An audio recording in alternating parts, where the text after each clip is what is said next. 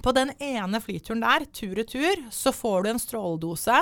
For da, da, når man flyr på sånne lange, langturer, da flyr du også enda høyere opp, så da har du enda mindre av dette strålingsskjoldet, eh, atmosfæren.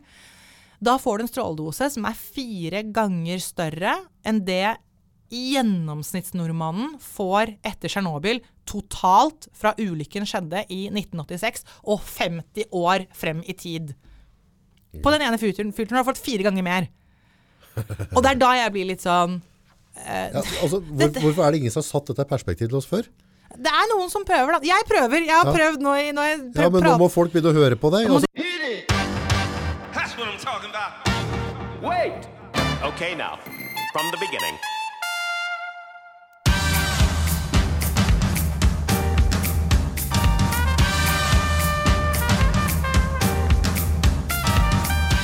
Tre, to, én. Velkommen til Nordpodden. Sunniva Rose, kjernefysiker. Det er sånne ord ikke jeg kan si engang.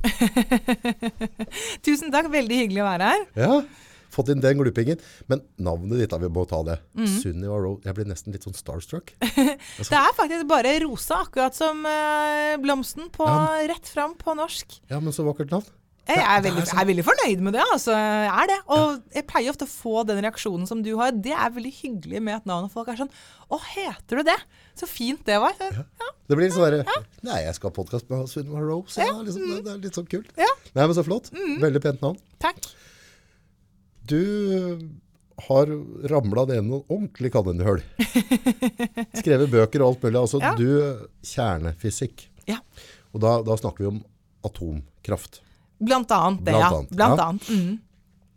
Hvis vi begynner der, eh, for dette synes jeg er veldig, veldig interessant nå. Vi driver med vindmøller, vi driver med kullkraft, vi, driver med, altså, vi har eh, vannkraft. Mhm. Veldig mange forskjellige måter. Eh, Jeg føler kanskje at i den klimakrisa vi er i nå, Mhm. at den atomkraftbiten, at vi kunne Snakket godt, mer om den? Ja, kikka litt på det. Ja. Gitt meg litt informasjon. Ja, litt. Mm. Men så er det noen andre alternativer enn å bare pælme ned hele norskekysten med vindmøller. Nå skal ikke jeg uttale meg om vindmøller. Jeg, det, det, det, jeg gidder ikke å ta den Eller det, det, er ikke jeg noe, det har ikke jeg noe ekstra fagkompetanse på. Men, men ja, vi burde definitivt også snakke om kjernekraft. Fordi det er så viktig Altså Jeg skal komme og si at det er løsningen. For, for, fordi det er ikke, det, er, det, er ikke, en- det finnes ikke én enkel quick fix på disse tingene her. Men det er veldig dumt syns jeg, å bare liksom si at nei, nei, men kjernekraft, eller atomkraft som man kaller det også, det, det, det kan vi ikke snakke om engang. Nei vel, hvorfor, hvorfor kan vi ikke det, da? Uh, og eh, ja, og folk ja, hva, hva, hva, tenker du egentlig om på en måte Jeg kan si mye om, om kjernekraft, men hvorfor tror du at folk ikke vil Nei, altså sånn utgangspunktet, det som gjør at det du prater om blir veldig interessant for meg da.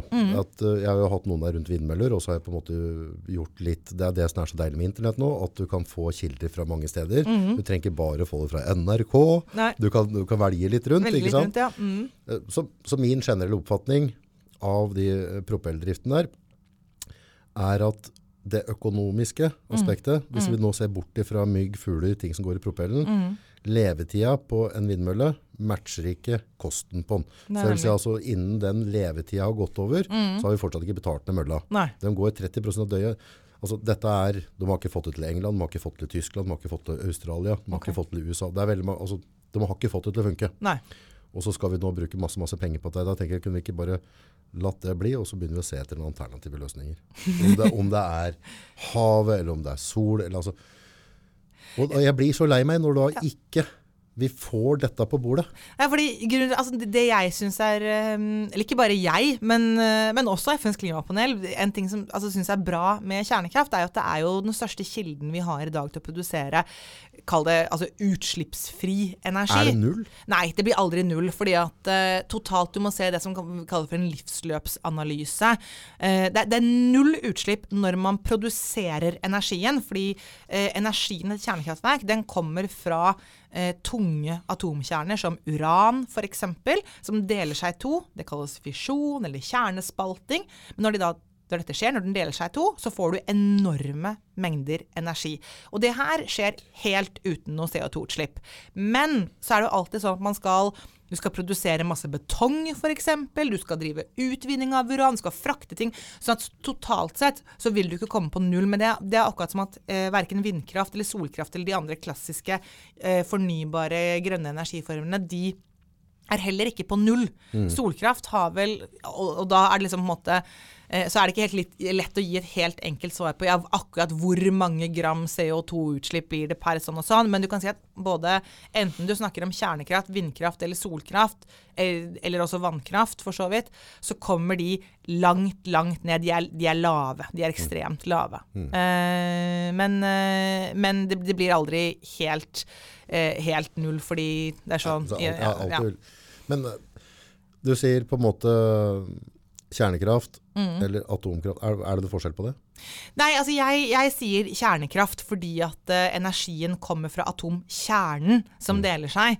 Sånn at uh, det, det er det som på en måte er det mest korrekte å si. Men så er det på folkemunne så blir det gjerne kalt atomkraft. Og er det, det er akkurat det vi, det er det vi snakker om. Så sånn sett så er det det samme. Jeg bare bruker ordet kjernekraft. Ja.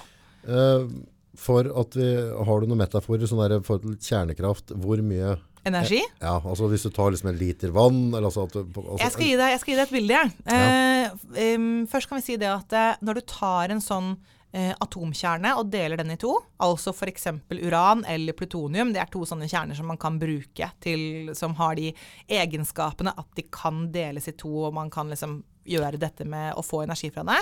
Hvis du sammenligner den energien du får der, med det du får hvis du f.eks. brenner eh, karbon, som er jo det du gjør hvis du brenner olje eller kull eller alle de fossile formene, så får du 50 millioner ganger mer energi per reaksjon som skjer. 50 millioner ganger mer. Og så skal jeg ha et bilde på det. Ja. For det betyr at hvis du da har bitte lite grann mer enn ett gram uran, er egentlig 1,053 gram med uran, Ja. eh, av da den typen som kan deles, for å være helt korrekte, Ja. Um, og du tar og deler alle de atomkjernene i litt over ett gram, så er det like mye energi som det en gjennomsnittlig norsk familie på to voksne og to barn bruker på ett år. Eller elek elektrisk energi, da. Det er Ja, andre ja, ja. ja. Og hvis du kan få tilsvarende da ved å det, er, det, er, ikke et gram engang. Nei, det, det er litt over 1,053, så er rett Ok, ok, over. Er, rett, ok, ok, ja, ja, men det er 1,053. Ja, bare for å være Det er gram. Ja, det er, det er gram. Det er et, det er et bitte, bitte lite korn.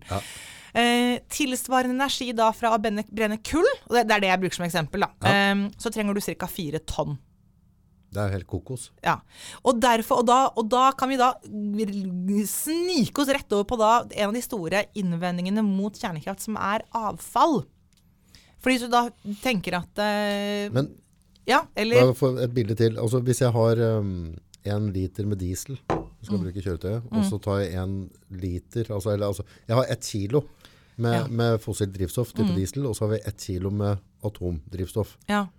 Hvor mye diesel må du ha? Eller altså, hvor mye må, diesel må jeg ha for å matche den Ja, nå, nå, nå har jeg ikke det tallet Men det blir jo helt sånn Nei, der- men det blir, det blir jo i den størrelsesorden der at det heller Du har altså jeg kan kjøre jorda rundt med bilen, liksom. ja, ett et gram, fire tonn, så hvis du da går ned til da om du liksom har Ja, så det blir Det eh, er et vogn. det er, det er ett gram Nei, mye, mye mer enn det. Mye, mye mer enn et vogntog. Altså okay, ja. ja. Nei. Du, du, se for deg den hev, enorme haugen. Fire tonn med fossilt. Om det, er, om det er fire tonn med kull, eller om det er fire tonn med, Ja. med, med diesel, er litt sånn. Det er ca. samme. Også ett et gram. Ja. Det er et lite, lite ja, sandkorn. jeg har ikke kalkulator, men det, dette tar av. Ja, det, det det- er sånn godstog. Ja, det er, det det er- det er voldsomme, voldsomme greier. Hvorfor pokker bruker vi ikke dette her mer? Nei, det er jo for at veldig mange er eh, Det er litt, det er litt forskjellige grunner, men det er, det, det er de tingene jeg opplever mest. Og det er også noe av grunnen til at jeg har skrevet den boken. Da, for jeg har også kommet med en bok som heter 'Vi er stjernestøv'. Kjernefysikk for folk flest. Ja. Og den er rosa. Eh, og det er eh, Det er for at du er rosa, det det. fordi jeg er rosa, så ikke bli, ikke bli skremt, av, skremt av det. Den må være litt rosa. Eh, fordi, fordi sånn er det. Eh, men eh, Det er vel bare rett og slett for at du, du, tre- for å være forsker, eller altså på en måte drive med det, så, så må den ikke være grå og kje.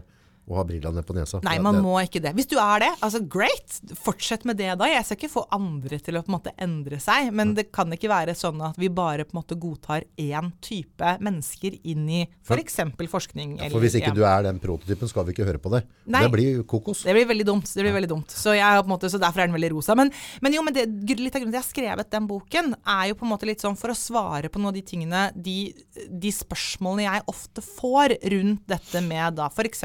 kjernekraft. Og da er det Eh, da er det én ting. Enten så er folk generelt redde. Eh, de syns det er skummelt. Og det har å gjøre med stråling, radioaktivitet å gjøre. Og spesielt ser man da for seg Tsjernobyl-ulykken som skjedde i 1986. Ja. Så jeg bruker ganske mye tid på å skrive om hva er egentlig stråling? Mm. Og på en måte, hva er, er det farlig, er det ikke farlig? Og svaret på det er jo da gjerne at eh, Som med alt så handler det om doser. Så hvis du sammenligner det med alkohol, da, så tror jeg vi alle kan være enige at eh, du kan, Hvis jeg spør deg er alkohol farlig, så sier du det kommer jo an på. Åssen du bruker det. Du bruker det. Er det liksom Er det den der eh, flasken med vin som du deler med, med kona eh, når du spiser en god middag vi snakker om? Ja. Nei, det er ikke farlig. Nei. Eller snakker vi om på en måte å sette x antall flasker med hjemmebrent foran seg og drikke opp alt det? Det er farlig. Det er farlig. Ikke sant? Så det har å gjøre med doser. Ja, ja, det, husk på det, husk på det! Nei, så det har jo å gjøre med doser. Ja. Og sånn er det også med stråling. Men hvis jeg bare sånn som det her, her på Innlandet, så har vi jo mye alung. Altså fjelltypen alung. Og den er jo veldig radioaktiv. Ja. Det, altså den stråler av seg. Mm. Eh, kan du sammenligne noe sånn på atomavfall? Eller altså, Ja, så, så, så, så det er jo helt sant. fordi Det er litt morsomt det du sier der. fordi Nå, nå, nå, nå hadde vi et lite dialektutfordring. Du sa Arlung? Arlung? Ja, Ja. det, det er jo det der svarte, litt Ja, løse fjellet. men, ja. men da du sa skifer for Det er alunskifer. Ja, ja, ja.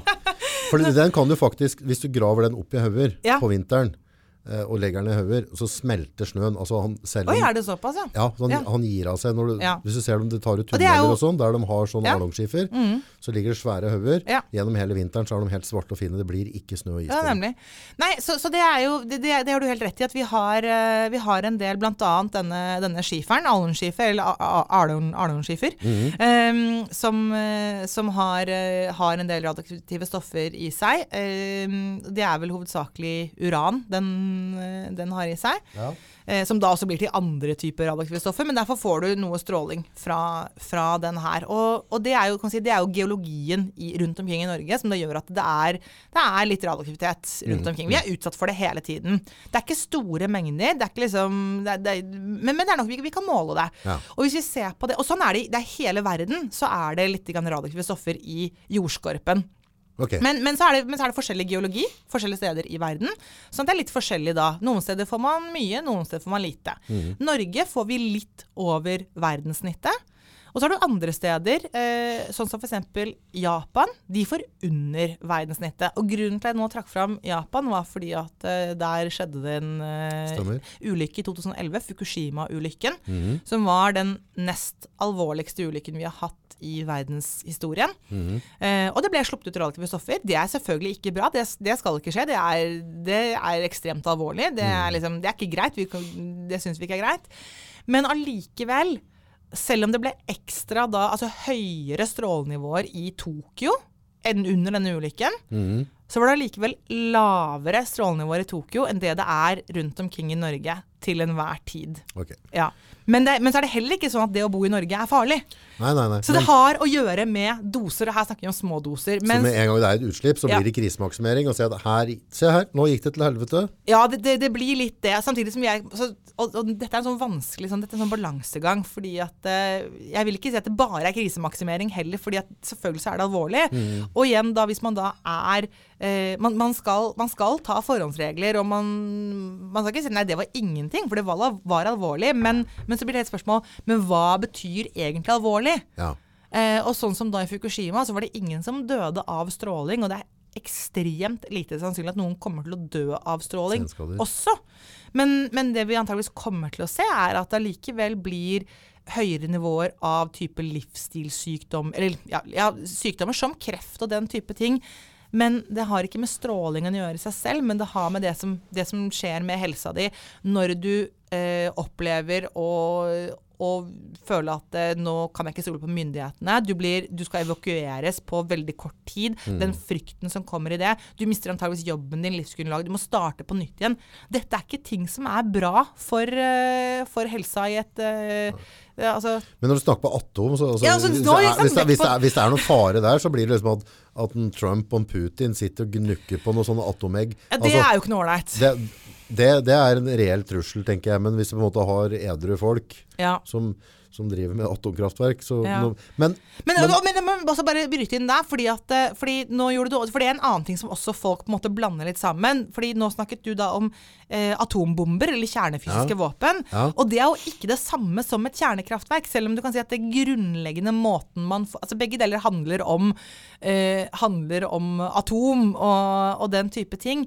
Men et kjernekraftverk er ikke lik en atombombe. Og det, det er faktisk ganske mange som tror eller har en litt sånn frykt for at et kjernekraftverk eller atomkraftverk kan eksplodere som atombombe. Det kan det ikke. Det er fysisk umulig. så det går ikke. Det går ikke. Men jeg har hørt en historie ikke. som hvis du mister kontroll på altså, uranstavene, så bare borer de seg inn til verdens kjerne på Eh, det- split second. Ja, det, det- det er så enorm kraft. Ja, det, det er enorm kraft, men det er ikke helt sånn det er allikevel. Og sånn som eh, Men, men det, det, det du snakket der, er det som kalles en nedsmelting. Ja, for Da mister du kontroll på kjølinga, er det det? hvis du har mistet kontroll på kjølingen, så er det alvorlig. Eh, og det skjedde jo bl.a. I, eh, i Fukushima. Det som kan skje da, når du ikke får, når du ikke får kjølt disse tingene ordentlig fordi For de det blir- brukte havvann som kjøling, var det ja, De til slutt så måtte måtte jeg Jeg kan ikke alle Nei, nei, akkurat, men, men ja, det er måte det er flere nivåer av kjøling der, da. Um, og jeg kan jo si det er på en måte et bilde på hvor varmt det er der til vanlig. fordi når du har et sånn kraftverk som pumper og går, alt er normalt, mm. så har du da altså du har lange, lange, lange sånne brenselstaver eh, Mhm. med da brenselet, som da består av bl.a. uran. Ehm, og, og inn, inni disse brenselstavene så skjer da denne splittingen av atomer, og så blir det varmt. Og hva kan vi gjøre med varme? Jo, da kan vi jo varme opp noe, f.eks. vann. Det, og da får du damp. Med damp så kan man drive en turbin, og så kan man lage strøm. Det, det er en dampmaskin. Damp, Ak akkurat som et kullkraftverk. Litt rå dampmaskin. det er en ganske rå dampmaskin, det er det. Men, men det er på samme måte. Sånn sett så skiller det seg ikke egentlig fra et kullkraftverk eller et gasskraftverk. Altså Bortsett fra at det er mye renere, da. Folk blir litt reddere. Eh, det er, det er renere Re renere, og så blir mange blir reddere, men, men det, er, det er mye, mye renere. Men, men måten du på en måte genererer strømmen på Men, eh, så det, men, hvis, du da, hvis dette vannet blir borte, f.eks., eller det slutter å bevege seg rundt så, fordi når, Til vanlig så er det rundt 300 grader celsius i dette vannet her. Okay. Men så er det høyt, høyt trykk, og derved så koker ikke vannet likevel. Men 300 grader, det er som normal drift. ok, Så hvis du har høyt trykk, så vil ikke vannet koke på 300 grader? Nei, fordi trykk og temperatur det henger sammen. Så, du, så det, er, ikke sånn at vannet nødvendigvis koker på 100 grader. Det kommer an på hva slags trykk det er. Så Det er derfor det også er forskjellig koketemperatur om du er på, liksom, på, på toppen av Galdhøpiggen eller nede ved havflaten. Aha, det visste jeg ikke. det er, Aha, det er faktisk, Er det- faktisk forskjellig. Er, er det sånn 0,00 forskjell, eller er det en Nei, forskjell? vet du hva, jeg lurer på Jeg mener at eh, nå, eh, nå, nå sitter jeg på en måte og fabler litt, ja, så dette kan, dette kan dere på en måte faktasjekke ordentlig. Ja, og så angrip kommentarfeltet. ja, angrip kommentarfeltet hvordan det er. Men jeg vet at uh, hvis du er på toppen av et høyt fjell, og jeg vil tro at sånn som f.eks. Galdhøpiggen, Ja. det er høyt nok til at hvis du skal koke egg, så må du faktisk ta hensyn til Det vil være annerledes enn da jeg bor Jeg bor i Oslo, ikke så veldig mange meter over, over havet. Det vil være en forskjell på om jeg koker egget mitt hjemme nå i leiligheten min. Det vil ta eh, lengre tid eller må, må mer energi til på, i høyden, er det ja, sånn? er det, er, det, er det sånn det blir? At det er, nå, nå, nå, nå, blir jeg redd for å si feil. Kan ikke noen si ta og google og finne ut det og skrive det i Sjekk- det, kommentarfeltet? men, men det er en forskjell. Det en fordi, forskjell. fordi vannet koker da på forskjellige måter. Eh, eller det er, trykket ja, ja. påvirker. Og da i en, i, eh, i, da, i en sånn eh, trykktank da, som har en reaktor, så er det oppe på 300 grader. Vannet koker ikke eh, for det. Men hvis da hvis vannet slutter å sirkulere rundt Det bare blir får stå, kjølinga. det får ikke, får ikke kjølt, da står det bare stille. Vil, dette var det som skjedde da i, Fukushima-kraftverket. Så fortsetter det allikevel. Det blir varmere og varmere og varmere dette brenselet her. Til slutt så nærmer det sånn 2000 grader. Eh, når, måte, når da disse brenselstavene da begynner å smelte. Og, da, og det som også da skjer, er at da begynner vannet Da får du spaltet ut hydrogen. Altså vann er jo H2O. Mhm. Sånn at det er jo hydrogengass og oksygengass. Når da det vannet, de vannmolekylene begynner å dele seg og får ren hydrogengass istedenfor, da Det er jo en eksplosiv gass. Den kalles jo knallgass, og alle har jo sett eh, Når du sveiser, bang. Ja, ikke sant? Og da, da kan det si pang. Men det er ikke det samme som en atombombeeksplosjon allikevel. Som det, altså, man skal, ikke, man skal ikke på en måte kimse av en hydrogeneksplosjon heller, Nei. men det er allikevel snakk om forskjellige ting. Ja, for du har jo òg atombomba og hydrogenbomba, har du ikke? Ja, og da er vi jo på noe annet igjen. Fordi annet. når, når jeg sa hydrogeneksplosjon nå, så mente jeg en helt Da er det en vanlig hydrogengass som liksom som, som reagerer og, og smeller. Det er en, på en måte en vanlig eksplosjon. Mm. Hydrogenbombe er også en atombombe. Eh, og jeg har ikke tenkt over at det engang kan på en måte blandes sammen, men det, det skjønner jeg at det kan. Så i en eh, en hydrogenbombe, da, eh, da, har du, måtte, da får du til såkalt fusjon. Og det er det som skjer på, på solen. hvor Fusjon? Vil si at ting går i hopus? Det er akkurat det det betyr. Sånn firma? To det, det er akkurat det det betyr. Så eh, da har du, da har du hydrogen-atomkjerner som faktisk smelt, som smelter sammen og blir til helium. Ok. De fusjonerer, rett og slett. De går sammen. Eh, Og da får du også enorme mengder energi. Nå var vi plutselig, nå, nå skjente vi helt over på en Men det er, også en, men det er liksom de største atombombene som noensinne har laget. Det er jo såkalt hydrogen, hydrogenbomber, eller fusjonsvåpen. eh, Fusjonsatombomber. Ja. Hm. Men, det, men det, var det, det var ikke det som skjedde i Fukushima. Altså. Nei, nei, det var en vanlig eh, sånn Knallgass. hydrogengass, Mm. knallgasseksplosjon. Men til, til det du egentlig, det vi begynte å snakke om, var for å si ja, smelter det osv. Så, videre. så ja, når det blir varmt nok, sånn eh, 2000 grader, eh, det er vel om det er litt over, litt under, husker jeg ikke. Det kommer litt an på sammensetningen, liksom prosenter av ditt og Mm. Datt. Men da, da begynner, kan jo da brenselet smelte, eh, og da har du ikke ordentlig kontroll på det lenger. Og da når jeg sier kontroll, da snakker, da snakker jeg heller ikke om atombombekontroll, det er ikke, det er ikke den type ting. Nei, nei, nei. Men ting som smelter, det er vanskelig å kjøle, og Ja, da, ikke sant. Ja, er- toget har gått. Da har toget på en måte gått, og da er jo faren at det kan da uh, smelte seg ned gjennom betonggulv, smelte seg i verste fall ned og ut og komme inn i grunnvann og sånn. Det er selvfølgelig alvorlig, for da vil du få radioaktive stoffer inn i grunnvannet. Mm. Og det, uh, det er jo selvfølgelig ikke noe vi ønsker. To ting. Ja. Uh, som vi, for vi, vi kommer til å reise av gårde nå. Det blir bra. Jeg kjenner det. Men uran. Mm. Uh, der er det jo en hist. Er det ikke ei dame i Frankrike som uh, kokte det til i hagen sin i sin tid eller noe? Eh, jeg, jeg er ikke helt sikker på Det, er, det er ikke en historie jeg ikke kjenner til, men tenker du på Marie Curie og Eller Det var en eller annen dame som, som fikk fredsprisen, men hun fikk ikke lov til å hente den sjøl. Gubben måtte komme og hente den. Ja, det, det, det, jeg tror kanskje du tenker på Marie Curie nå. Hun fikk, eh, hun fikk nobelprisen sammen med mannen sin Pierre Curie og, og Henri Becquerel. Oh, ja, Becquerel. Skriver oh. om det, skriver om det, vet du. i, Måler i eh, becquereller? Det er, ja, det er en Er det derav? Ja. Det er, er derfor det heter Becquerel. Uh, dette skriver jeg om i boken, fordi jeg skriver altså, bare, jeg må, det, er ikke for å drive reklame, jo litt for å drive Jo, reklame. må- Men, uh, men det, er, det er mye spennende historier her. Hvordan, hvordan skjedde disse tingene? Hvem var det som faktisk gjorde disse oppdagelsene? Hvem gjorde det første skrittet? Nettopp, så Men drev ikke det med å utvinne at det der og ordne og Jo, styre, og de gjorde det. Så først, først, så først så hadde du han som heter Henri Becquerel, som det er en grunn til at man Ja, det heter Becquerel. Det er enheten. Så det er er derfor du har den. Så det er jo hver gang du hører en sånn tak, tak, tak, tak, så er det ett atom som sender ut en bitte liten stråle, strålebit. Så den lyden du får når du måler til becquerelen, det er den strålinga? Ja, den måler det, da. Så det er på en måte så tikk, tikk, tikk. Det er eh, ett sånn, ett atom, ett atom, ett atom. Eh, og, da må jeg jo skyte inn der, for da er det jo mange som tenker ja, men det må jo være farlig igjen.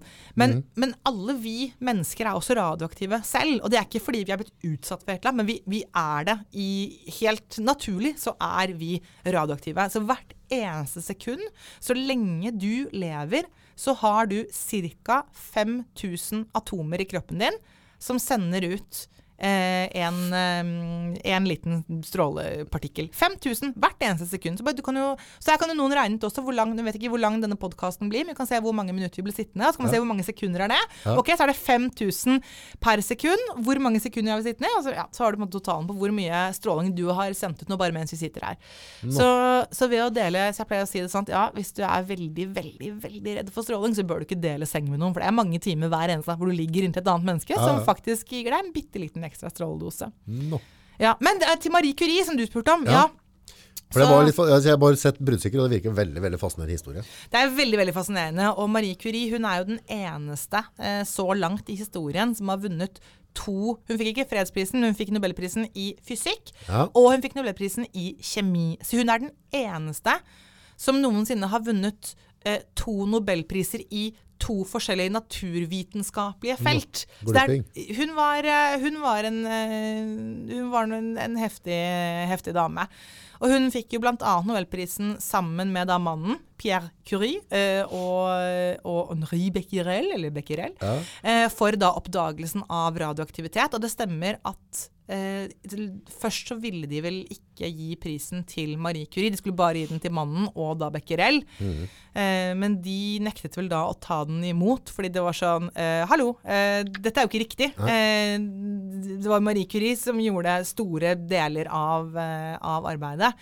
Så de skjønte at de, Dette var i gamle dager, da vi Dette- diskriminerte.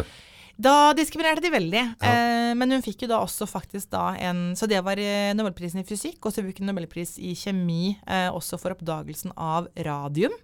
Som, eh, det er derfor Radiumhospitalet i Oslo som er kreftsykehuset. Det, Er det det som blir sjøllysegrønt? Nei. Ja, jo, og, da, og nå må jeg komme med en fun fact. Ja. Fordi det ser selvlysende, sånn blåaktig Ja, ja. ut. Men radium i seg selv er faktisk et sånn sølvhvitt metall. Så hvis, du, men hvis du, har, så hvis du har radium liggende i en boks hvor det er vakuum, så er det bare sånn Litt sånn som den eh, Vi har en sånn kaffekanneaktig. Men det sender ut såpass heftig mye med stråling at det får nitrogenatomene i luften. Så luften vi puster ut, den er hovedsakelig nitrogen. Ja. Luften rundt oss. Og når de da blir, når de får veldig mye energi på seg fra da strålingen fra radium, så begynner nitrogenatomene å bli selvlysende sånn blå. Nice. Så når du har en klump med radium liggende foran deg, så ser det ut som den er sånn selvlysende, men det er egentlig luften rundt som lyser, ikke radiumet i seg selv. Jeg bare syns det er veldig gøy at du, at du får nitrogenatomene til å lyse. Det er helt sjukt. Så dermed, som sagt, er den da i vakuum, og det ikke er noe nitrogen, eller, eller en annen gass, da, så vil du ikke Da vil det ikke lyse noe av den. Det er sånne ting jeg syns er morsomt. Så Var det det de da kokte? At de drev, stemmer Nei, det det- at de, kokte, ja. at de kokte store de mengder med kull? Det er store mengder med uran, sånn uranmalm som de fikk fra noen sånne gruver. Så det, altså, det var tonnevis, de og de sto og knuste og kokte og knuste. tønner og i kokte. hagen? Ja, ja, de, ja, mulig holdt på i hagen, men det var i hvert fall inne på laben. Ja, ja. Og holdt på holdt på holdt på. Og det de til slutt da um, fikk til der, var at de fikk ut, for de fant ut at det, da, da kjente de til at det var noe stråling fra uran, og liksom at det, det strålte litt. Men uran er ikke så veldig radioaktivt. Uran er egentlig veldig lite radioaktivt, skjønner du. Så du daua ikke hvis du er i nærheten av ti minutter? Nei, på ingen måte. Eh, uran blir du Altså, uran Jeg kan ha holdt uran i hånden min sikkert også uten hansker, selv om jeg egentlig skal ha på meg tynne plasthansker. Ja, ja, Men det er bare å vaske hendene Ja, etterpå, det er ikke ja, noe problem sånn sett. Men, eh, men det de også fant ut, som Marie Curie eh, begynte å stusse på, at det var, sånn, det, det var et eller annet der som virket som det var mye mer radioaktivt enn uran. Det var, sånn, det var, det var rart. Dette skriver jeg mer om i boken, hvordan det skjedde. Men i hvert fall så knuser og koker de til slutt, så satt de igjen da med en bitte, bitte liten mengde av to stoffer som da var ekstremt radioaktive. Okay. Og det var radium. For radium er et ordentlig Altså det er skikkelig radioaktivt. Det er det greiene du putter inn i blodet når du skal skanne det og sånn, er det? Jeg tror ikke de putter radium i ja, no, nå, det, ja, det er forskjellige ikke. Ja, typer ja, stoffer. Ikke de, men, men radium det fant vi ut at det kunne du bruke til å kurere kreft med. Fordi, fordi det stråler såpass heftig at de begynte Det var jo også Marie Curie som begynte med den første stråleterapien og bruker dette til å drepe kreftceller med. Ah, Og så fant han også polonium.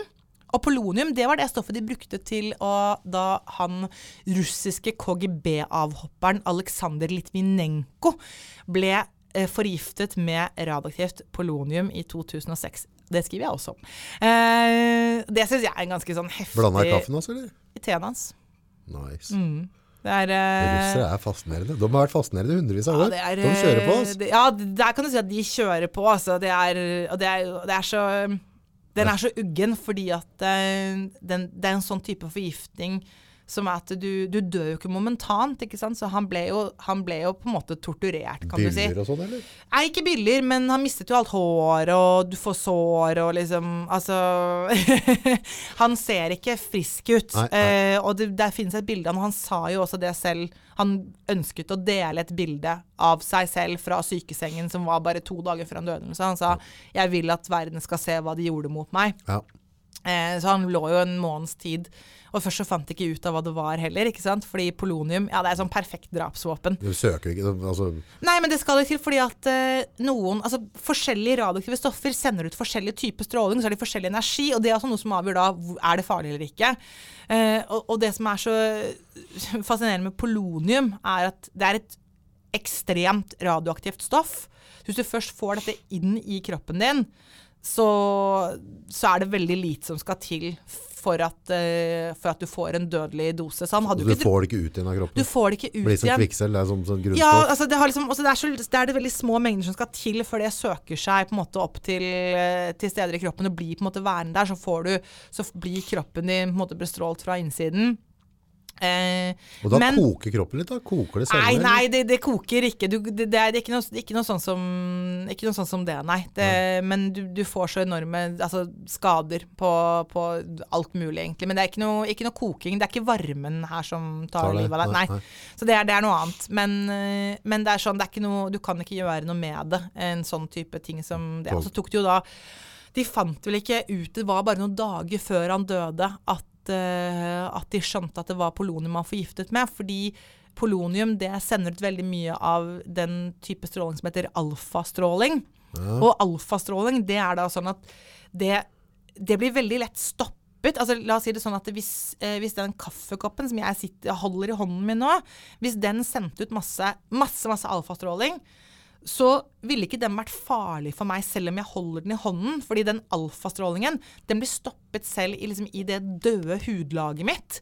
Sånn at det, så, så det er det nok, det er det, altså, den døde hudlaget det er nok til å beskytte meg. Ja. Men hvis jeg da, øh, hvis da den kaffen, da, hvis jeg drikker den, gjør det nå, den går inn i kroppen min, da blir, vil jo all den alfastrålingen være inni kroppen min istedenfor. Der står den da og skader eh, kroppen min fra innsiden, og sånn er den polonium. Men den ser nesten ikke ut noe gammastråling. Og gammastråling det er sånn type stråling som kan gå gjennom eh, metall og metervis med betong til og med, så den kan man veldig lett måle fra utsiden. Men, eh, ja, men det var ikke noe sånn Det var veldig, lett, veldig vanskelig å se eh, disse tingene fra utsiden. Så, eh, så det var bare rett før uh, tilfeldighet som gjorde at de fant ut av det.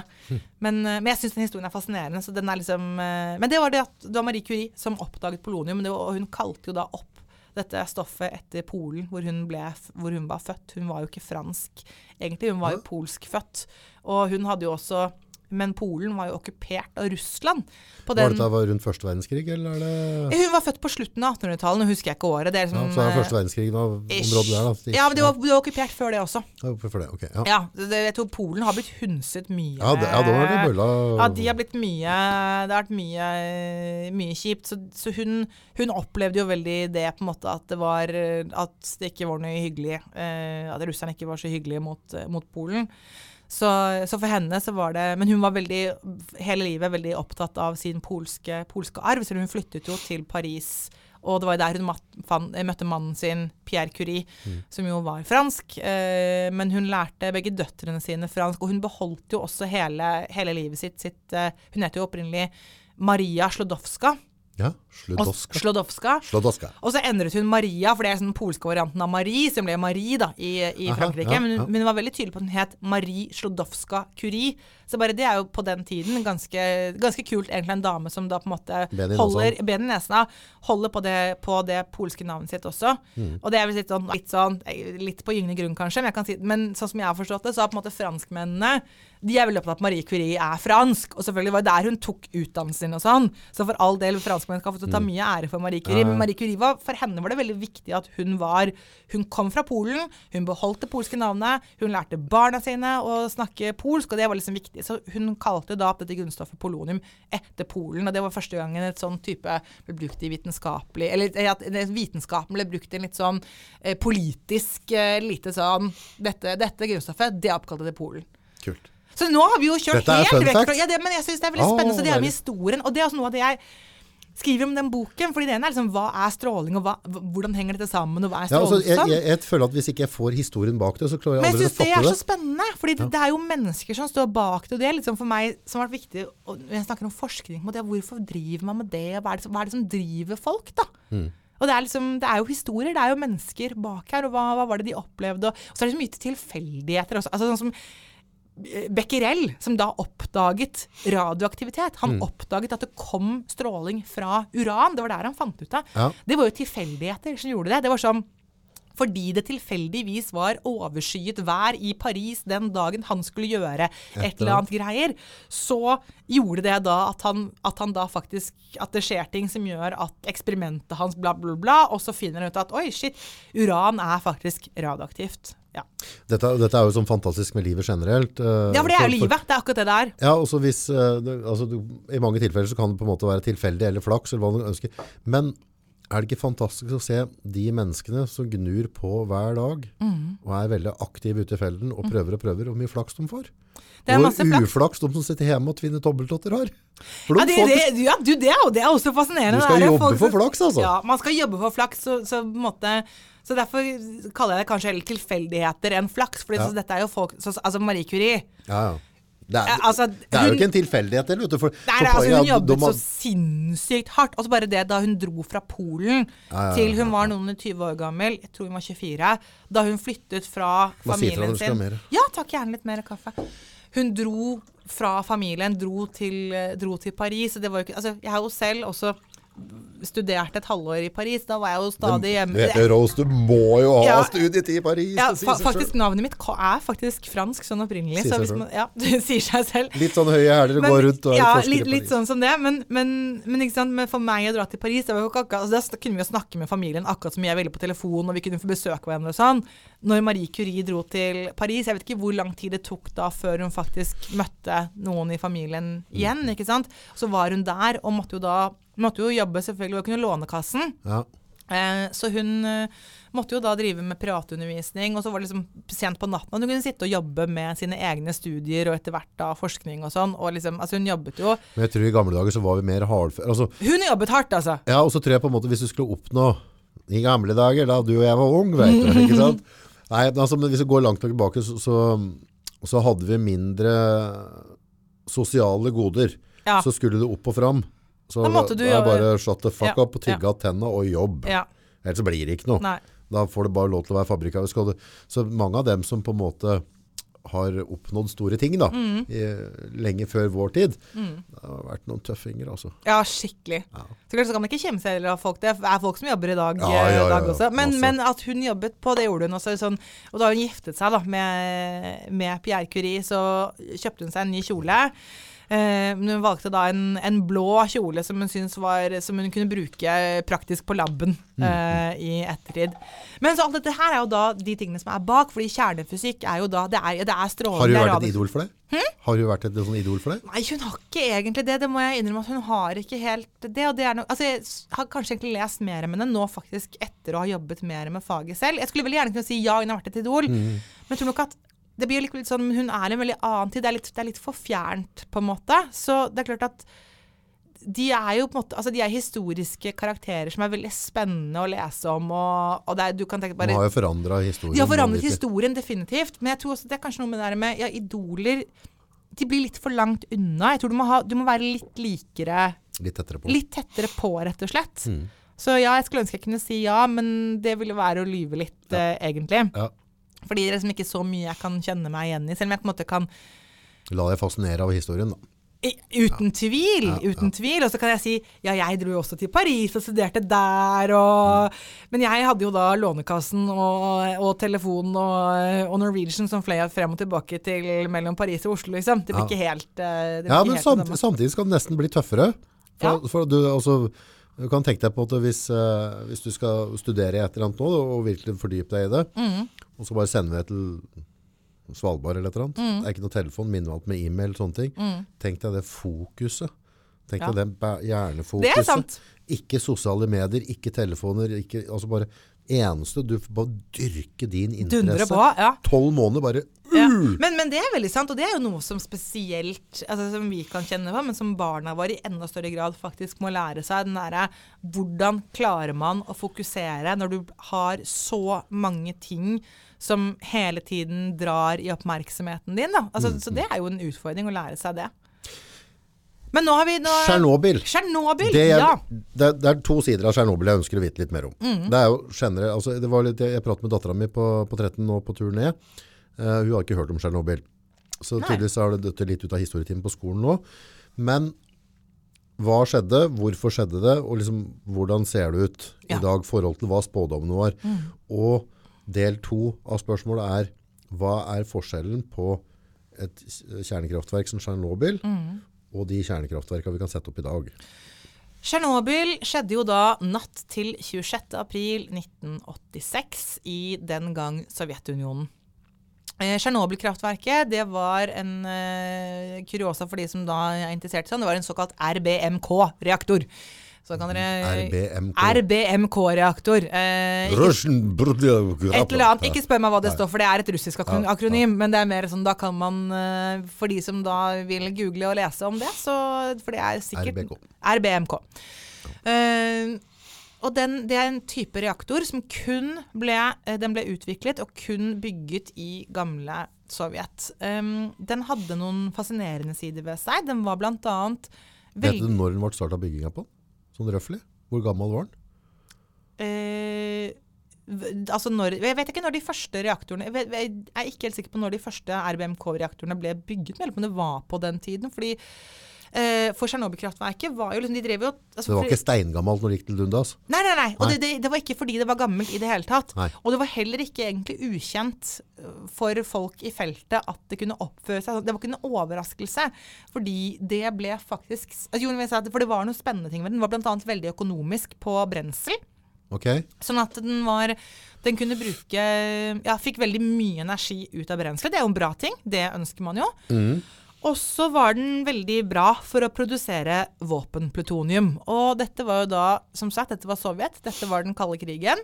Eh, så man kan jo eh, tenke seg at eh, det kanskje var viktigere for eh, disse menneskene, eller eh, myndighetene på den tiden, å ha en reaktor som var god på å produsere våpenplutonium, enn at den skulle være helt trygg. Var han Eh, Boris Jeltsin som var høvding på den tida, tror du? Nei, det var jo Gorbatsjov som var eh, Gorbatsjov? Gorbatsjov var det som var eh, Ja. på den, den tiden Ja. der. Eh, hvis jeg ikke husker helt feil. I hvert fall ikke Jeltsin, men jeg mener det var Gorbatsjov. ja.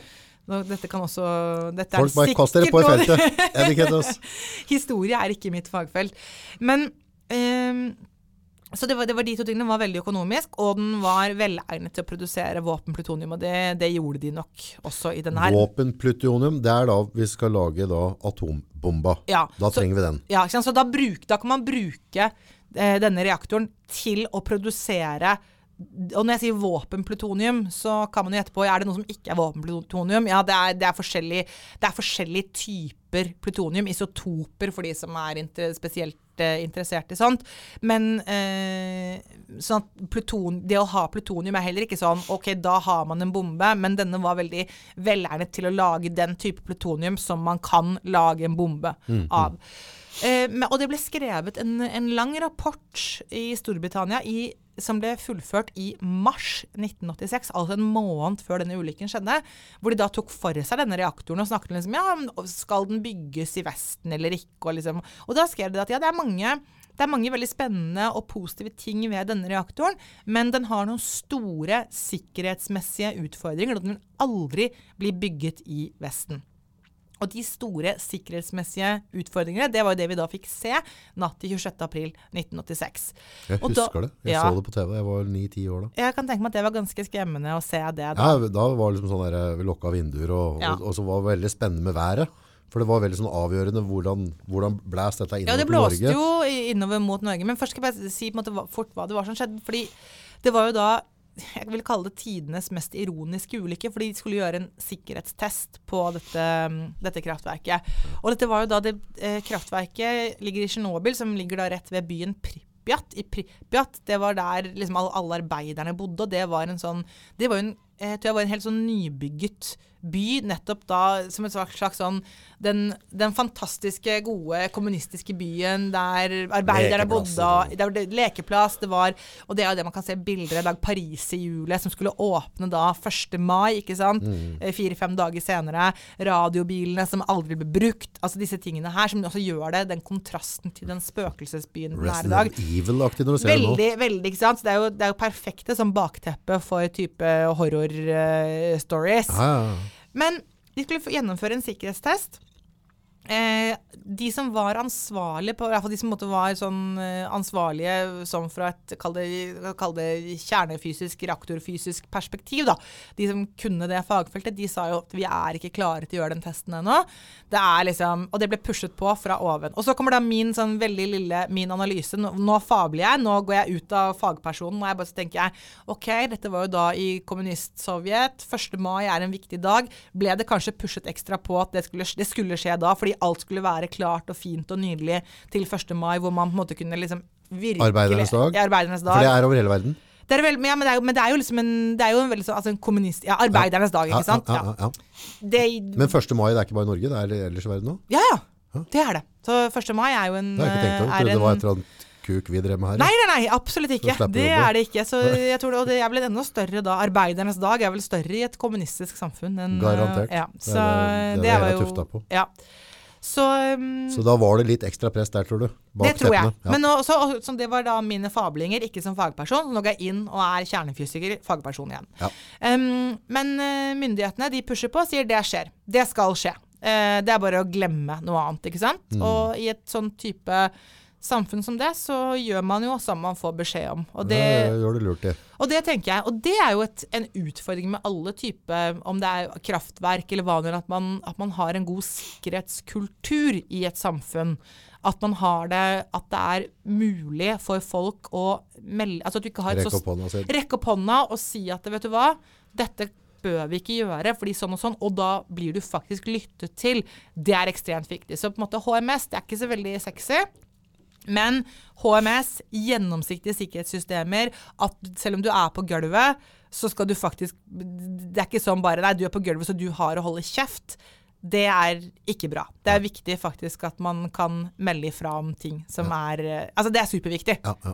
Men der var jo på en måte rusa, der slet jo dem litt. Altså, vet Ja, her skulle, det var ikke noe sikkerhetskultur. Her har var du sett de det dokumentene? Det ligger noen fantastiske dokumenter på YouTube bare med forhold til om de drev skjøt raketter og skulle på månen. Mm. Det røk noen folk, for å si det sånn. Ja, Ofte orker jeg ikke å tenke på engang. Og de, de gadd ikke altså det, De bare pussa over det i avisen og bare Ja. lot som ingenting. Men det Ja. var null sikkerhet, altså. Sikkerhetskultur. Det er ikke sexy, men det er eh, det skal vi, vi skal være stolte av sikkerhetskultur. Og jeg tenker at Norge er et altså Det er noe vi jeg tror vi kan si vi er gode på. Den er, altså, vi, har, vi har jo veldig lite hierarki og veldig flat struktur i Norge. Og det er mange ting som er bra med det. Blant annet tenker jeg at det blir Det gjør det også lettere for samme hvilket nivå du er på i en bedrift, så blir det lettere å faktisk si ifra om ting som ikke er bra, ting som kan være potensielt farlig, ordentlig skadelig. Men i hvert fall så denne testen, det myndighetene sier, den testen, den skjer den natten. Det er bare liksom drit i noe annet. Fiks. Fiks, you fix. Og, og så var det da sånn at for å gjennomføre denne testen, så måtte de de, de, skulle, da, de skulle sjekke om kraftverket oppførte seg sånn som det skulle, på en sikker måte.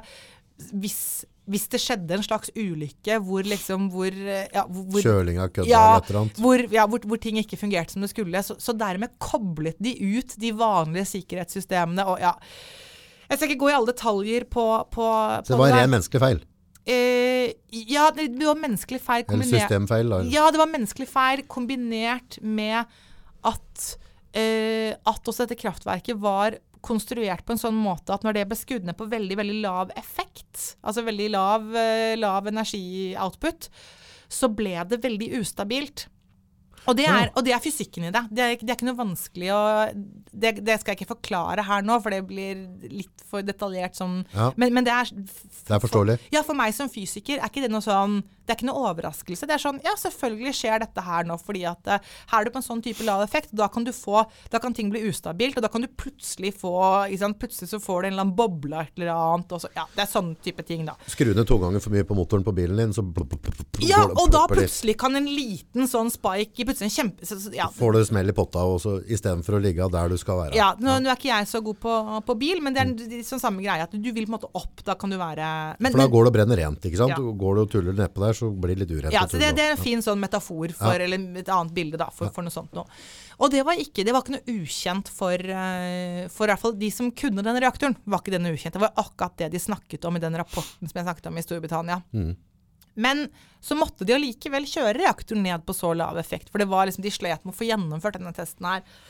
Og så, øhm, ja eh, så er jeg litt usikker på, for de som har sett da, den HBO-serien Tsjernobyl. Har ikke sett den. Nei, det er en veldig veldig bra serie, og det er noen ting som ikke er helt riktig, men jeg synes likevel at den er, den er spennende. Den, altså, den, Overall en god overall en veldig god og spennende serie. Som sagt, ikke alt er, er, er korrekt, men det man da ser i den serien, er jo da litt sånn OK, du har en som da er ansvarlig for den testen på kraftverket, og, han, og så er det på en måte noen av arbeiderne som sier nei, men vi kan ikke gjøre det, og han sier jo dere skal gjøre det. Dette vet ikke jeg om hvordan akkurat det foregikk, men at det kanskje var noe uenighet der, men liksom dette kan vi ikke gjøre.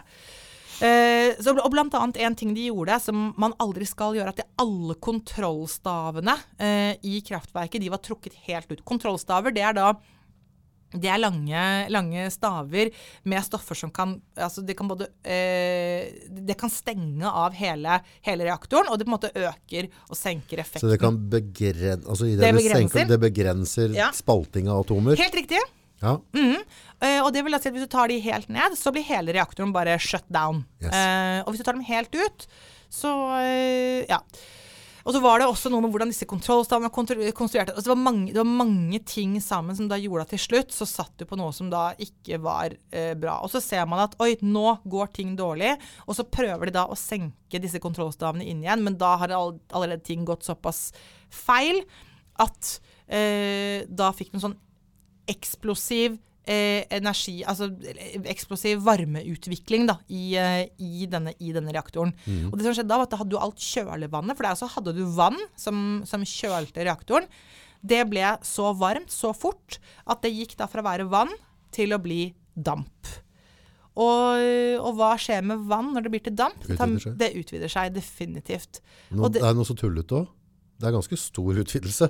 Ja, ja, det, det, det, er ikke, det er ikke bare litt. Nei, nei, det er sånn derre Vanskelig å forstå. Ja, egentlig. Ja, det er faktisk det. Så, så det var, og det var det som var den eksplosjonen i Tsjernobyl. Det var en dampeksplosjon. Mm. Så du fikk da, det, ble, det ble plutselig veldig, veldig varmt. Veldig, veldig fort. Så det gikk fra å være helt, helt lav effekt til da plutselig mye, mye mer enn det skulle. For folk skal skjønne det, men dampen er sånn der, altså hvis du har eh, kokende olje Mm. du tar fyr, og du slenger vann i det, så skal det ikke mye vann til før dette blir Stemmer en en Ja, total katastrofe. Det burde dere søke opp på YouTube for de, de, av dere som ikke har sett det. For det er helt sånn, da skjønner du ah, Det er derfor jeg ikke skal helle vann på oljebrann i kjelen, ja. Den lille duppen sånn her, Vi har filma det faktisk på brannvesenet. Mm. Vi fyrte opp en sånn smultgryte. Så hadde vi en stav, så jeg lå inne med røykdykkergreier, Og så hadde vi på Ja. Det var altså så lite Ja, det er, det vann. er skremmende, og idet altså. det utvida seg til damp, så var flammene var et faktum over huet vårt og taket. på Ja. Bom! Så hvis du vil ha full overtenning i det rommet du er i, så er det bare å ta oppi litt vann. I, ja. Og den varmeutvikleren var helt enda du sitter der med brannhemmende tøy. Altså Ja. Du kjente liksom wow. Ja. Og det var, det, var, det var ikke snakk om noe vann. Det var, det var bare tull. Ja. Altså vannpistolaktig. Ikke sant? Helt sjukt. Ja. Så vann, det, det utvider seg når det blir til damp.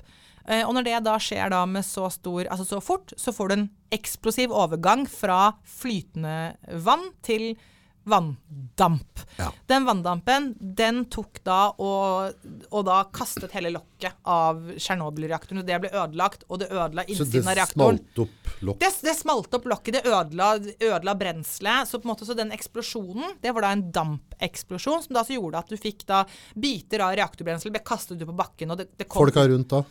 Ja, og, og, eh, og da hadde du Altså det var jo ikke folk som var ute der da før brannvesenet kom, men eh, så Fordi først av den dampeksplosjonen, men da når det plutselig er åpent, så er det noe som er veldig, veldig varmt. Og så får du luft, oksygen. Hva skjer da når ting er veldig, veldig varmt, og du får tilgang på oksygen? Da tar ting fyr. Ja. Da fikk du også en kraftig brann. Og det er brann da inne i reaktoren. Så, den tar jo, så brannen gjør jo da også da at den blir jo vanskelig å slukke, for den er varm. Altså det er eh, og, og, og den tar jo Og, og det, flammene løfter jo da med seg sånne lette Altså f- lette, flyktige stoffer som også er radioaktive, som da er inni reaktortanken. Ja, De blir da løftet dem- opp sant, av flammene. Og det var sånn du også da fikk spredd disse stoffene til da Europa. Fordi det, var en kraftig brann. Så har du vanvittig med temperatur, og det går opp, og så blir, har du da oksygen. Ja. Så blir dette en, sånn, en vakuumpumpe. Ja, altså? Det blir en sånn reaktor som suges opp i lufta. Nett, nettopp, eh, nettopp det. Du må Så, holde lua di nesten, for det blir det blir jo vanvittig trøkk. ja. Så, så det var liksom kortversjonen av det som skjedde da med den, eh, med den eh, reaktoren. Og så kom det jo da selvfølgelig da brannmannskapet fra, fra Pripyat, da, som kommer da for å slukke denne brannen.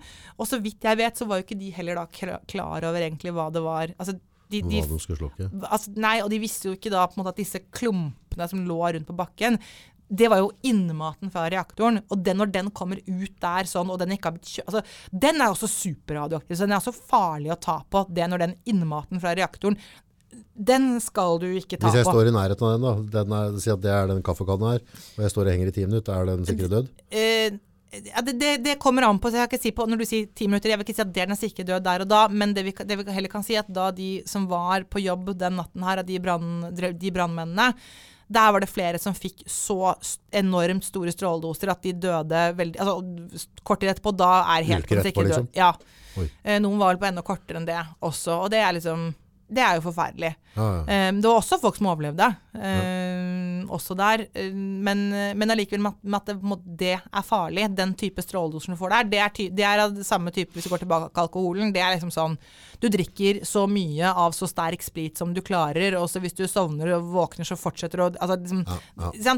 Da dør du. Blir for mye. Kropp, det, Ja. det, blir, det er all, way too much. Men da, i den eksplosjonen, så drog du alle de lette partiklene som er radioaktive opp i Eller det var ikke selve eksplosjonen så mye, men den brannen Brannen brannen dro det opp og Ja. fikk det løftet opp i atmosfæren. Og så tar jo vinden og sprer det over Europa, bl.a. opp til Skandinavia, for det blåste jo oppover mot Skandinavia. Så det regner det ned da her i eh, Og det er da ikke Da snakker vi ikke om uran og plutonium, da snakker vi bl.a. om eh, stoffer som heter jod. Det er cesium. det er jod, er ikke det ja. da? Eh, det er jod i salt, og kroppen vår trenger jod. Men vi trenger da Det fins både radioaktivt jod, og så fins det eh, jod Og det, det var det som kom da fra Tsjernobyl-akten. Radioaktivt jod. Ja. Og så er det ikke radioaktivt jod. Og det er det, det, er det vi har i, i saltet, f.eks. ja. Eh, jeg skriver om det også i boken. Ja. Salt. hva, hva, nei, hva er jodtabletter, og hva er disse tingene her? ja. Men så regnet det ned. Eh, her i spesielt da over Dovre, altså Midt-Norge var det vel spesielt hvor det, det kom ned. Og så, selvfølgelig så var man redde, fordi man visste ikke hva er det liksom For først visste man ikke hva slags mengder er det snakk om. Vi trodde jo at vi ikke kunne spise reinkjøtt på de neste 100 år. Ja, ikke sant? Det, det trodde man. Um, og så Og her er det da noen som vil da mene at nei, men det er jo fremdeles farlig å gjøre det. Og det er da jeg liker å prøve å sammenligne. Okay, men ja, ok, greit, Hvis det er farlig, hva slags stråledose er det vi får da fra å spise en middag med, da, med reinkjøtt, som da har spist av disse stoffene? Og, og selvfølgelig, nå er det mindre enn det det var da for 30 år siden. Men, eh, men selv i dag så er det jo så driver man med sånn såkalt nedfòring av rein og sau. At man da de, altså, de har gått ute og spist da eh, sopp og sånn, som ha- fremdeles har dette i seg. Soppen er god på å trekke til seg sånn. Soppen trekker til seg sånt, og så tar man da, så det man kan gjøre da, hvis man på en måte vil få dette ut av systemet, er jo da å gi dem annet fôr da i en viss periode som da på en måte er dyrket et annet sted. Det- det- Før slakting. før slakting. Ja. Eh, og så er det de som vil hevde at det er veldig viktig å gjøre den dag i dag. Men, og da er jo det jeg syns er interessant, er jo da å si ok, men hvis, hvis man spiser da en middag, en, en reinsdyrmiddag f.eks., Ja. hva slags strål, hva, er det, hva kan vi sammenligne den stråledosen med, da? Ja. Og da er det sånn at eh, hvis du flyr til New York, ja. Da blir du også utsatt for litt mer stråling. fordi da er du, når du er i et fly, så er du på en måte nærmere verdensrommet enn når du er nede på bakken. Og når du er nærmere verdensrommet, så får du mer stråling altså fra verdensrommet. Eh, og det er egentlig da for at vi har atmosfæren som ligger rundt jordkloden, og den beskytter oss hele tiden mot alt mulig som kommer inn mot jordkloden. Det, altså det, så ligger atmosfæren så det har strålingsskjold. Ja. Men når du er i et fly, så er du på en måte Ja, da er du nærmere. Du har mindre Der skjoldet er tynnere. Så du får en ekstra stråledose. Uh, ok, så Hvis vi skal sammenligne denne reinsdyrmiddagen med denne flyturen til New York, hva er, liksom, ja, hva, hva er verst? Da er det sånn, På den ene flyturen fra Oslo til New York så er det det samme som å spise 15 reinsdyrmiddager som ikke er nedfòret. Ok, så det er bare bambus, egentlig. Ja, og da er det sånn Er det noen som er redd for å fly til New York pga. stråling, eller burde du være det? Jeg har ikke du tenkt burde- tanken engang. Nei, du har ikke det. Og du burde ikke tenke tanken heller, bortsett fra som en sånn kuriosa. Ja. Så du skal liksom, du skal spise for å Hvis du skulle fått farlige mengder stråledose fra å spise reinsdyrkjøtt. Jeg vet ikke engang om det er mulig å gjøre det. Jeg tror det, det, er, andre stoffer altså, Du vil ha et større Det koster mye penger, så du får ikke ete det. Jeg er sjuk på dette. Nei, det, det, altså, så, så, og, så kan jeg si, men så er, det jo, så er det jo folk i Norge som spiser mer reinsdyrkjøtt enn andre, og det er spesielt da den sørsamiske befolkningen. For de bodde jo da på et område eh, hvor det regnet ned ganske mye, og de har et kosthold som baserer seg i stor grad på reinkjøtt. Og det er sånn at selv de, og de har blitt veldig, eh, veldig fulgt opp og nøye overvåket da, for alle som har ønsket det. Eh, og selv de har ikke hatt noe, noe større eh, Altså mer eh, skader i form av kreft eller fosterskader eller den type ting etter Tsjernobyl. De fikk på en måte det vi kan kalle for relativt høye stråledoser. Og så er det som, ja, Hva betyr høy, og hva betyr lav? Fordi høy her, bet, altså mye stråling her, betyr ikke det samme som da de arbeiderne på Tsjernobyl. De, de fikk mye på en helt annen, en annen skala. Kan det stemme at jeg har sett et eller annet på YouTube med en eller annen sånn gammel knehasa fra, fra Russland, som fløy rundt med en stokk og noen greier, som bodde i området Tsjernobyl, og bare åt gulrøtt og kål fra Ja. bakken, og var eh, Ja. 80 år, og Du levde har, fortsatt. du har folk som eh, Og det er en veldig fin uh, film som heter um, Jeg tror den heter 'Babushkas of Chernobyl'. Altså det, det er disse beste, bestemødrene, babusjkaene, Ja, som har blitt igjen uh, Vi flytter ikke. De, nei, vi flytter ikke. Og de har nok mye rett til det. For det, det, det du kan se på der, er at det, det der, det å flytte, det å, eller det å bli flyttet, det å bli evakuert, det, det å skulle starte livet ditt på nytt et annet sted når det ikke er noe du frivillig gjør, det, er, det er ikke noe ålreit eh, det heller. Så de sa vi, vi blir. Her har vi levd hele livet. Her har jeg kua mi. Her har jeg den lille åkerlappen min. Her eh, har jeg vodkaen jeg lager, og potetene. Og, eh, og så får det heller bli som det blir. Og de er ikke noe mer eh, Du hørte gamle mye av dem, tror jeg. ja da, de er gamle. Så det er um, Det som også er morsomt med å se på dette området, kalles for exclusion zone, som er da en sånn sone som er laget rundt Tsjernobyl-kraftverket. Og innenfor der er det jo egentlig ulovlig å bo. Ja. Men noen av disse gamle babusjkaene, de bor der allikevel, da. Ja. Men det er jo da veldig spennende å se på. Så det, det er jo da, altså her er det jo lite mennesker. Det er de babusjkaene som bor der, ellers så er det ingen som bor der lenger. Eh, og da er det jo interessant å se hva har skjedd da med dyr- og planteliv her i Tsjernobyl. Ja. Og det man, eller i det området. Og det man bl.a. har sett, er at det er jo kommet tilbake eksempel, Det er en villhestflokk der som lever, som har vært nærmest utryddet. Den, men den stortrives da innenfor her. Ulvene trives. Det er planter som får lov til å være i fred, vet du. De får være i fred. Så kan du si at det, ja, selvfølgelig, det er enkelte vi vi kaller det hotspot, steder hvor det har på en måte regnet ned ekstra mye, et veldig lite område her og der. Ja. Og det kan påvirke, og dermed kan du også se liksom at det vil nok også være enkelte steder hvor du har planter som kanskje har blitt påvirket, altså den type ting. Men all in all kan vi si det sånn at for naturen, både plante- og dyreriket, så er mennesket en større trussel enn det den strålingen er. Fordi her har, du, her har du planter og dyr som trives bedre da innenfor her, for nå er menneskene borte, og da får de jo være i fred. Ja. Så ja, så det, jeg, jeg syns det er interessant. Eh, men, men, men så må jeg bare si, fordi jeg, for nå har vi snakket om hva, hva var den ulykken. Og så, jo, så, har du de, så har du arbeiderne, de som var på kraftverket, og, og, og disse brannmennene. De fikk enorme stråledoser. Mange av dem døde. Det er, ikke noe, altså det er, det er ingen som på en måte betviler Nei, nei, at det er farlig. Nei. Vi hadde ikke brukt stråling til å drepe kreftceller med hvis vi ikke visste at stråling i store doser kan være Så de farlig. strå... Ja, okay, det har jeg Ikke ikke tenkt over. Så de stråling, det er, det er da kjernefysiske stråler? Det er det, vet du. Ja. Det har jeg ikke tenkt over. Nei, og det, er, og det var jo det Marie Curie startet med. Hun begynte å bruke da radium, som var dette stoffet som hun hadde funnet ut av. At det kunne også brukes til å kurere kreft. Så, altså Marie Curie hun startet den første stråleterapien. Hun laget, fikk laget eh, små bærebare, nei, eller ganske store, da, men eh, røntgenapparater som hun hadde i lastebil, som hun kjørte rundt med under første verdenskrig på slagmarken og fikk tatt røntgenbilde av folk. Altså, Marie Curie hun var, hun var så tøff, hun. Det er Og bare- framme i skoa. ja, ja, hun var framme i skoa. Jeg måtte bare si litt mer om henne. Og dette, ja, dette skriver jeg også mer. Jeg syns det er kjempespennende. Ja, men, dette er jo spennende, det er spennende. Ja. Men tilbake til Tsjernobyl. Allikevel så var det under 100 stykker som døde som en direkte konsekvens av stråling. Jeg trodde det var Under- 100 000, ja. Ja, det tror folk gjerne. Under 100 stykker som døde som en direkte konsekvens av stråling. Og så kan man si ja, men ok, men folk, allikevel så har jo folk fått disse ekstra stråledoser, og vil ikke det være farlig? Man kan få kreft på lang, på lang sikt osv. Unnskyld. Eh, eh, men, men de har fått så, folk har likevel fått såpass lave doser at vi kan ikke måle da direkte. Så da må vi på en måte si at vi kan beregne oss kanskje fram til hva, hva, hva dette vil ha å si. Og da kan, kan man beregne og si at ja, OK.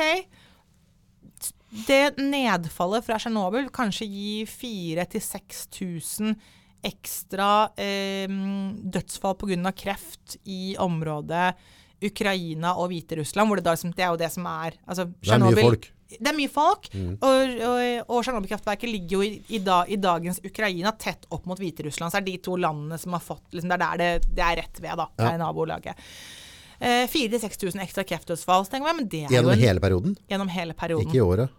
Nei, nei, nei. Dette er totalt etter Tsjernobyl. Okay, ja. Eh, og for å si det sånn, det er så mange som dør av kreft at dette vil aldri Du du vil ikke engang se at det er noen økning. Dette er ekstremt lave tall. Ja, ja. Så kan du si at ja, hvert altså, Det er jo for mye. Jo, jo, jo. Men det er veldig mye verre. Altså, fordi alle ting, eller veldig mange ting man gjør, er med på å, å gi ekstra kreftdødsfall. På en måte hvis man skal være hvis, det, det er For noen, noen ting. ganger så må vi velge mellom to onder, da. Ja. Ja.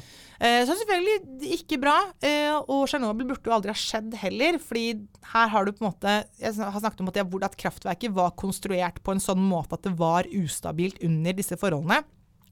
Så verket var kokos i seg sjøl, Verket var kokos i seg selv. Eh, med tanke på hva vi vet ble om i aldri, dag. Ble aldri godkjent i Vesten. Burde aldri vært godkjent selvfølgelig heller egentlig i Sovjet. Men de hadde, det var kanskje viktigere da å ha et økonomisk lønnsomt kraftverk som også kunne produsere våpenplutonium. Ja.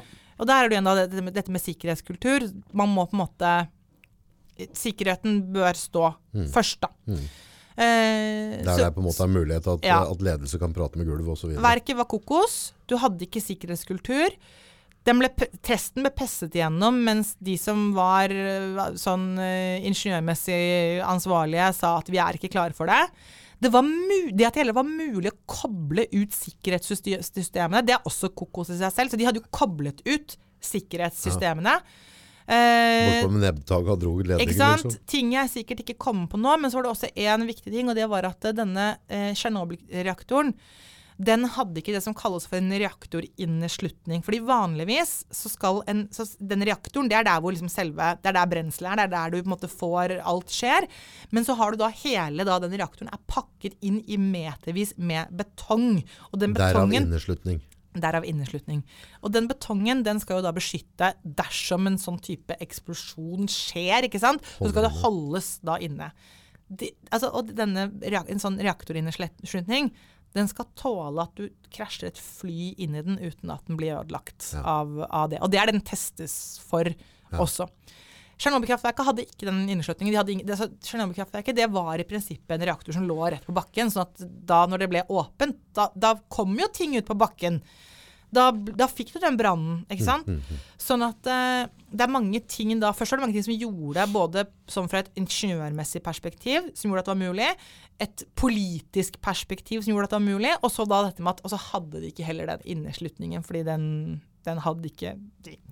Og dermed får du da den mest alvorlige ulykken. Men det var samtidig heller ingen overraskelse, som sagt. Jeg snakket med folk som som jobbet i, eh, i feltet i Norge på den tiden, og som, som sier at det, vi gikk jo bare og ventet på at det skulle skje en sånn ulykke i Sovjet.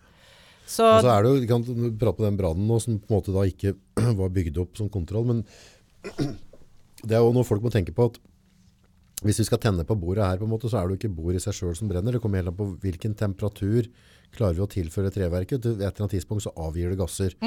Og i et sånt kraftverk, når du begynner å snakke om så høye temperaturer, så begynner snart alt å bli brennbart. For altså varmer du ting høyt nok opp i temperatur, så vil alt avgi gass. Og da når du har temperaturen, og du får da plutselig ja, her, tilgang her, på var jo, her var jo alt, alt brennbart. For som, som sagt, her snakker vi da om altså Jeg vet ikke akkurat flere tusen grader. grader, liksom. Ja, Ja, sånn da brenner jo alt. Ja. Du får ikke slokka det, vet du.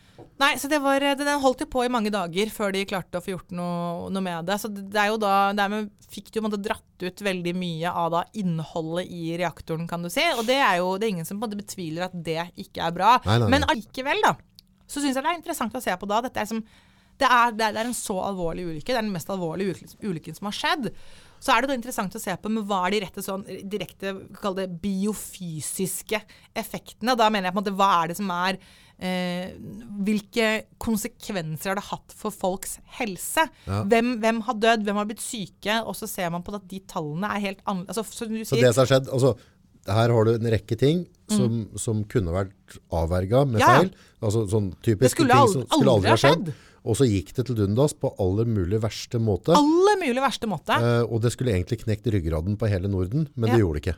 Nei, ikke, ikke nær og, Altså, utgangspunktet så skulle du og jeg bare sittet her og vært øh, glødende nå. eh, av nei, Altså, vi skulle, det, det er jo det folk tror, da. ja, det er folk tror, men, Men- men, men det var ikke det som var tilfellet. Nei, ikke, i det hele tatt. Jeg vet jo også at uh, Altså, jeg var bare to år, så jeg husker det ikke. Men jeg har jo snakket selvfølgelig med mange som jobbet også med radioaktivitet, radioaktivitet og stråling på den tiden.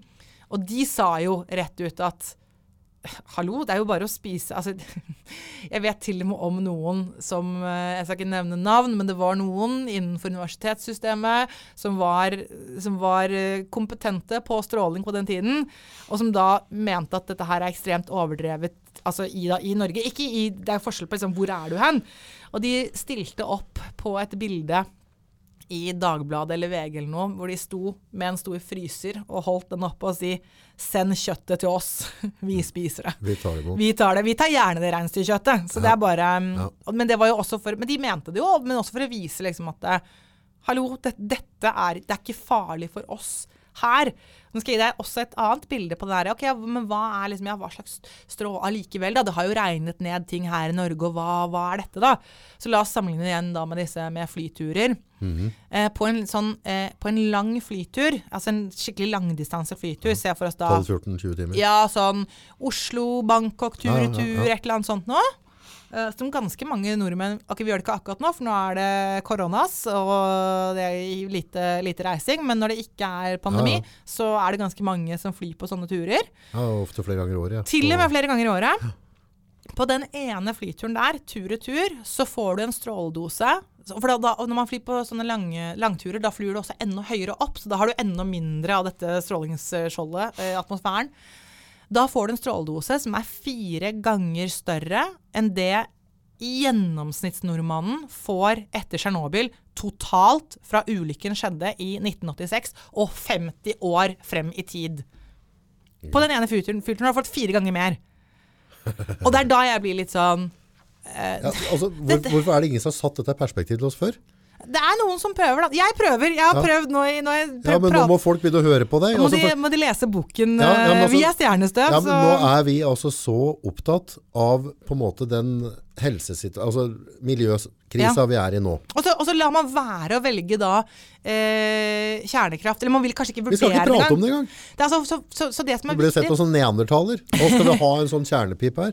Det er jo helt kokos. ja, så, For det, verdenskrisa er jo at vi blir mer og mer mennesker. Eh, og, Og vi, trenger energi. Fordi, vi trenger energi, og, og vi må og det- finne en måte å gjøre dette ja, på og, og, selv, og selv om du kan godt si at okay, vi i Vesten burde bruke mindre, la oss si at vi klarte å bruke noe mindre, men, men allikevel, da.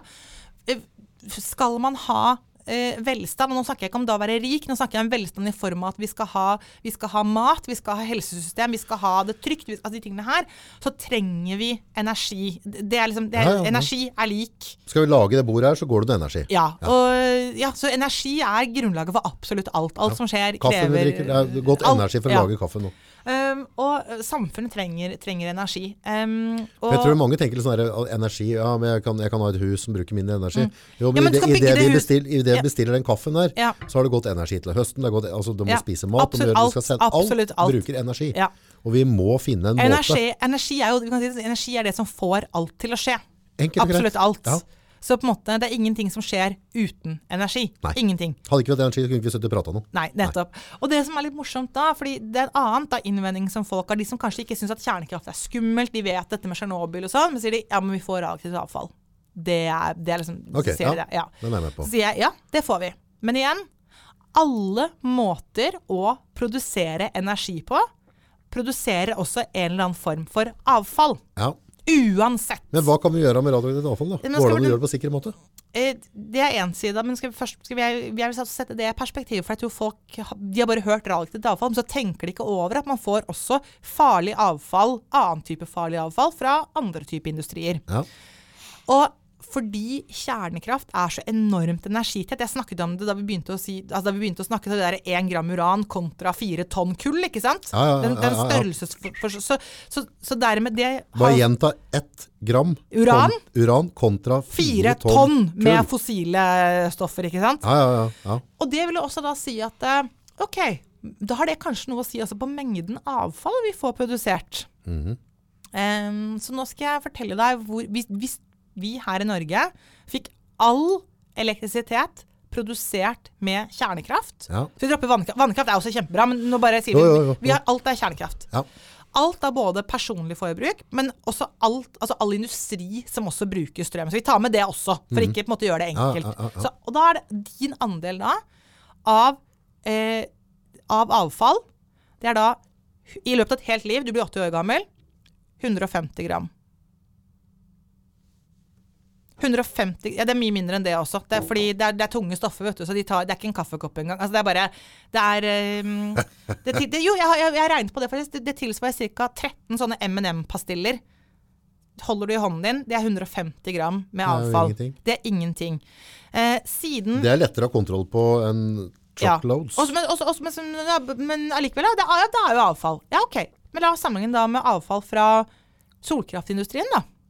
Er det avfall der, da? Det er det. Tungmetaller. Eh, farlige, som er eh, som kadmium, det er eh, mm, bly er det vel en del av. Nå har jeg ikke akkurat de, Nei, men, nei, nei. men du, får, du får tungmetaller. Og de er farlige. På de panelene når de skal resirkles, eller hva Ja, altså i hele prosessen. Jeg skal Ja, ikke ja, gå inn på ja, hvor, men totalt sett da, så får du, så får du også farlig avfall der Ja, også. ja. Det, altså, mye av de metallene som går inn, enten det er solceller eller om det er til vindmøller eller den type ting, det er En ting er at det er uh, stoffer som uh, Altså tungmetaller og diverse som uh, kan være giftige. Altså, og så er det en annen side av det som er at disse skal Gruvedriften på disse skjer gjerne i land som heller ikke er så ålreit. Men det er en annen side av det. Men meg, jeg skal gi deg tall, fordi totalt i kjernekraftindustriens historie, siden det første kraftverket ble skrudd på på 1950-tallet, mm. og fram til i dag, 2020, så er det produsert 250 000 tonn avfall.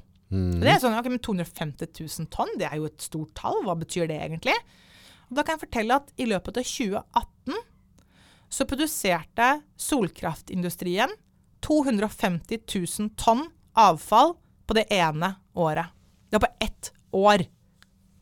Og det er også stoffer som må lagres. Og så kan jeg også- og så må jeg bare si en annen ting, og det er jo at eh, selv om det er noen stoffer som må lagres i lang tid, så er det sånn at uh, radioaktive avfall, det blir jo etter hvert som tiden går, så blir det mindre og mindre radioaktivt. Da Så, snakker vi 100 år, eller? hvis, så fra du tar ut ting av reaktoren, eh, så har du en eller annen, da er det veldig radioaktivt, og så går det 40 år, da er du nede på en tusendel.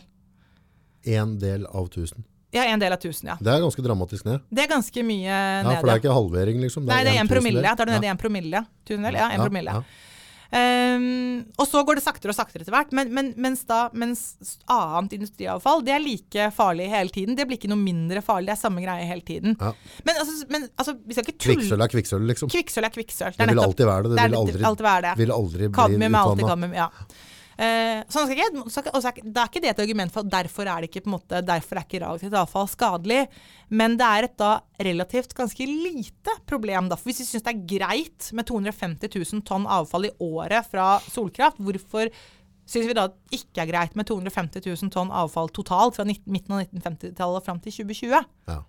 Ja, Og jeg vil ikke ha altså, og, og la meg bare være veldig tydelig på det. Jeg er rent personlig så er jeg eh, Jeg prøver ikke å si at kjernekraft er det eneste man skal ha. Jeg er også veldig fan av solkraft. Jeg er også, det tør jeg, jeg, er også fan av andre grønne, andre grønne energiformer. Ja. Jeg er ikke motstander av vindkraft. Eh, men la oss ikke snakke om det nå. Men, altså, så, så, Gjerne det. Nei, og, og, og karbonfangst og -lagring, great, gjør det også. Eh, men jeg, så, så jeg prøver ikke å snakke ned Dette er ikke for å snakke ned solkraft, men det er for å bare sette ting i perspektiv. ja. Vi må ha perspektiv på ting. Fikk du er- perspektiv nå? Ja, jeg gjør det. Det men, men det som Oi, ja, det- men det- jeg må si en ja. ting til. Fordi de 250 000 tonnene med da avfall fra eh, kjernekraftindustrien, fordi det er så tunge stoffer, så får de plass i en sånn type lagerbygning som en type Ikea eh, ja. Det er fra hele verden. Er Totalt. hele Hele, industrien. Fra 50-tallet til i dag. Ja, vi kan lage en kjempebunker nede i bakken. Ja. Ja. Men det, det som frustrerer meg, da, på en måte, altså, jeg føler på en måte det som skjedde i Japan, det som skjedde i, på Tsjernobyl og sånne ting, har på en måte flytta fokus litt vekk fra kjernekraft. Men nå er jeg dårlig på datoer, men enten var det 68 eller 69, så landa vi på månen for første gang. Ja, stemmer. Ja. Eh, fra den tida til nå i 2020, Mm. så har det forandra seg veldig mye. Eh, den forståelsen, den teknologien, den måten å håndtere de systemene vi har nå i dag, Mm. er langt, langt sprekere enn det vi drev rota rundt med på 80-tallet. Mm. Så på en måte mye av de faremomentene vi hadde tidligere, Mm. kan jo ikke være så framheva nå i dag. Da, nå skal jeg, da skal jeg fortelle noe som er litt trist. og Det er nettopp at eh, disse ulykkene som vi har hatt, de har satt enorm brems på, brems på videre utvikling av den industrien. Ja. Så vi sitter egentlig med Det har ikke skjedd store ting i da, den industrien fordi at eh, det er, bare, ja, det er total brems. Og det er jo, det er jo kjempetrist. Det er jo like mye for at, at, at når du sier kjernekraft og, og energi ut der, at jeg automatisk tenker på atombomber. Ja, og, altså, men, men, det, men, det, et blir- blir bilde, sånn- men, det, men det er ikke altså, Så det er ikke det samme Nei, greia. men, det er viktig at folk får med seg at ja, det, det er to så det kan aldri eksplodere eh, som Nei. en atombombe. Det blir ikke et digert høl liksom, ned til Kina. Nei, det gjør det absolutt ikke. Men uh, Tror du vi noen gang kommer til å få, få et sånt kraftverk i Norge nå? Kjerne? kjernekraftverk? Ja. Å, det er veldig vanskelig. Jeg håper i hvert fall at nå Eller Har du lyst til å lage en lite sjøl inne på rommet ditt? Uh, Bitte lite et. jeg, har, jeg har veldig lyst til Altså, det hadde vært veldig, veldig kult om vi fikk det. Um, altså, vi hadde, kunne vi bli da liksom Altså, vi har vannkraft. ja. Og så vi kunne jobbet med kjernekraft, og så håper jeg at når, når Vi sier når, da. Når det skjer, Ja. så håper jeg jeg får være med ordentlig på å styre og ordne med Jeg vil gjerne være um, Være delaktig der. Jeg vil definitivt være delaktig i den norske kjernekraftindustrien, ja. Men uh, Men la oss si, ok, hvis vi lager sånn um, et, uh, et hørespill her nå, holdt jeg på å si, eller så bare tegner oss et, uh, en, en, en fantasifilm. Vi blir enige om at nå at, uh, at vi, vi setter opp et kjernekraftverk i Norge. mm, Hvordan skulle det se ut, og hva skal til for at dette skulle være trygt i Norge? Er det mulig å bygge et eller annet som du føler at kan stå innenfor med? Se meg i øya og si at August, dette her går helt bra. Dette kommer ikke til å ta livet av unga dine eller barnebarna dine. Altså, det kunne vi gjort på en måte uansett. Som sagt, det er liksom Det er no-brainer. Det er på en måte no-brainer, men jeg tenker også at det vi kunne gjort i Norge, er jo å utnytte at vi har fjell. Eh, så hva om vi eh, Bygger dem inn i et fjell? Hva om vi bruker fjellene og bygger dem inne i fjellene? Og vi har faktisk vi har en forskningsreaktor i Norge som ligger i Halden. Oi. Og den ligger inne i fjellet i Halden. Og hvis du leser eh, lærebøker om reaktor, altså kjernekraftsikkerhet, så er da Halden-reaktoren trukket fram som en sånn Ja, det går faktisk an å gjøre. Og i Halden så bor det da folk også oppå dette fjellet. Så de bor faktisk oppå en liten reaktor. Det er ikke et kjernekraftverk, for det er ikke en diger For det har vi jo ikke, men det er en forskningsreaktor. Ja. Men der bor det folk oppå den reaktoren. No. Så, så vi har jo til og med erfaring med å bygge ting inn i fjell. eh, Så rent teknisk, teknologisk, så hadde det ikke vært et problem å gjort det nå i Norge i dag. Nei, altså, mm, det, er, det er sikkert ting som er Jeg tenker det er jo ikke bare bare, men vi, altså, men vi, Ja, men det- vi lager jo hull i fjell hele tiden. Ja, ja, det, altså, det er ikke Jeg tema. antar vi kan det. Ja, det, det er ikke noe fare. Det nei, sånn rent teknisk sånn, men, men det å sette opp en, en reaktor som kunne levere strøm til Norge, det, det er fullt mulig. Ja, ja. Null, Og null uten problem. at vi på en måte driver og flipper coin om dette her går til Lunda, så hele Norge får Nei kreft. men, nei, men det, nei, men det gjør det jo ikke selv. Selv i de landene hvor det har skjedd, så får jo ikke hele landet Nei. kreft. ikke sant? Så det, Så de så gjør alt feil. Selv Tsjernobyl, hvor man gjorde absolutt altså, eh, Ja.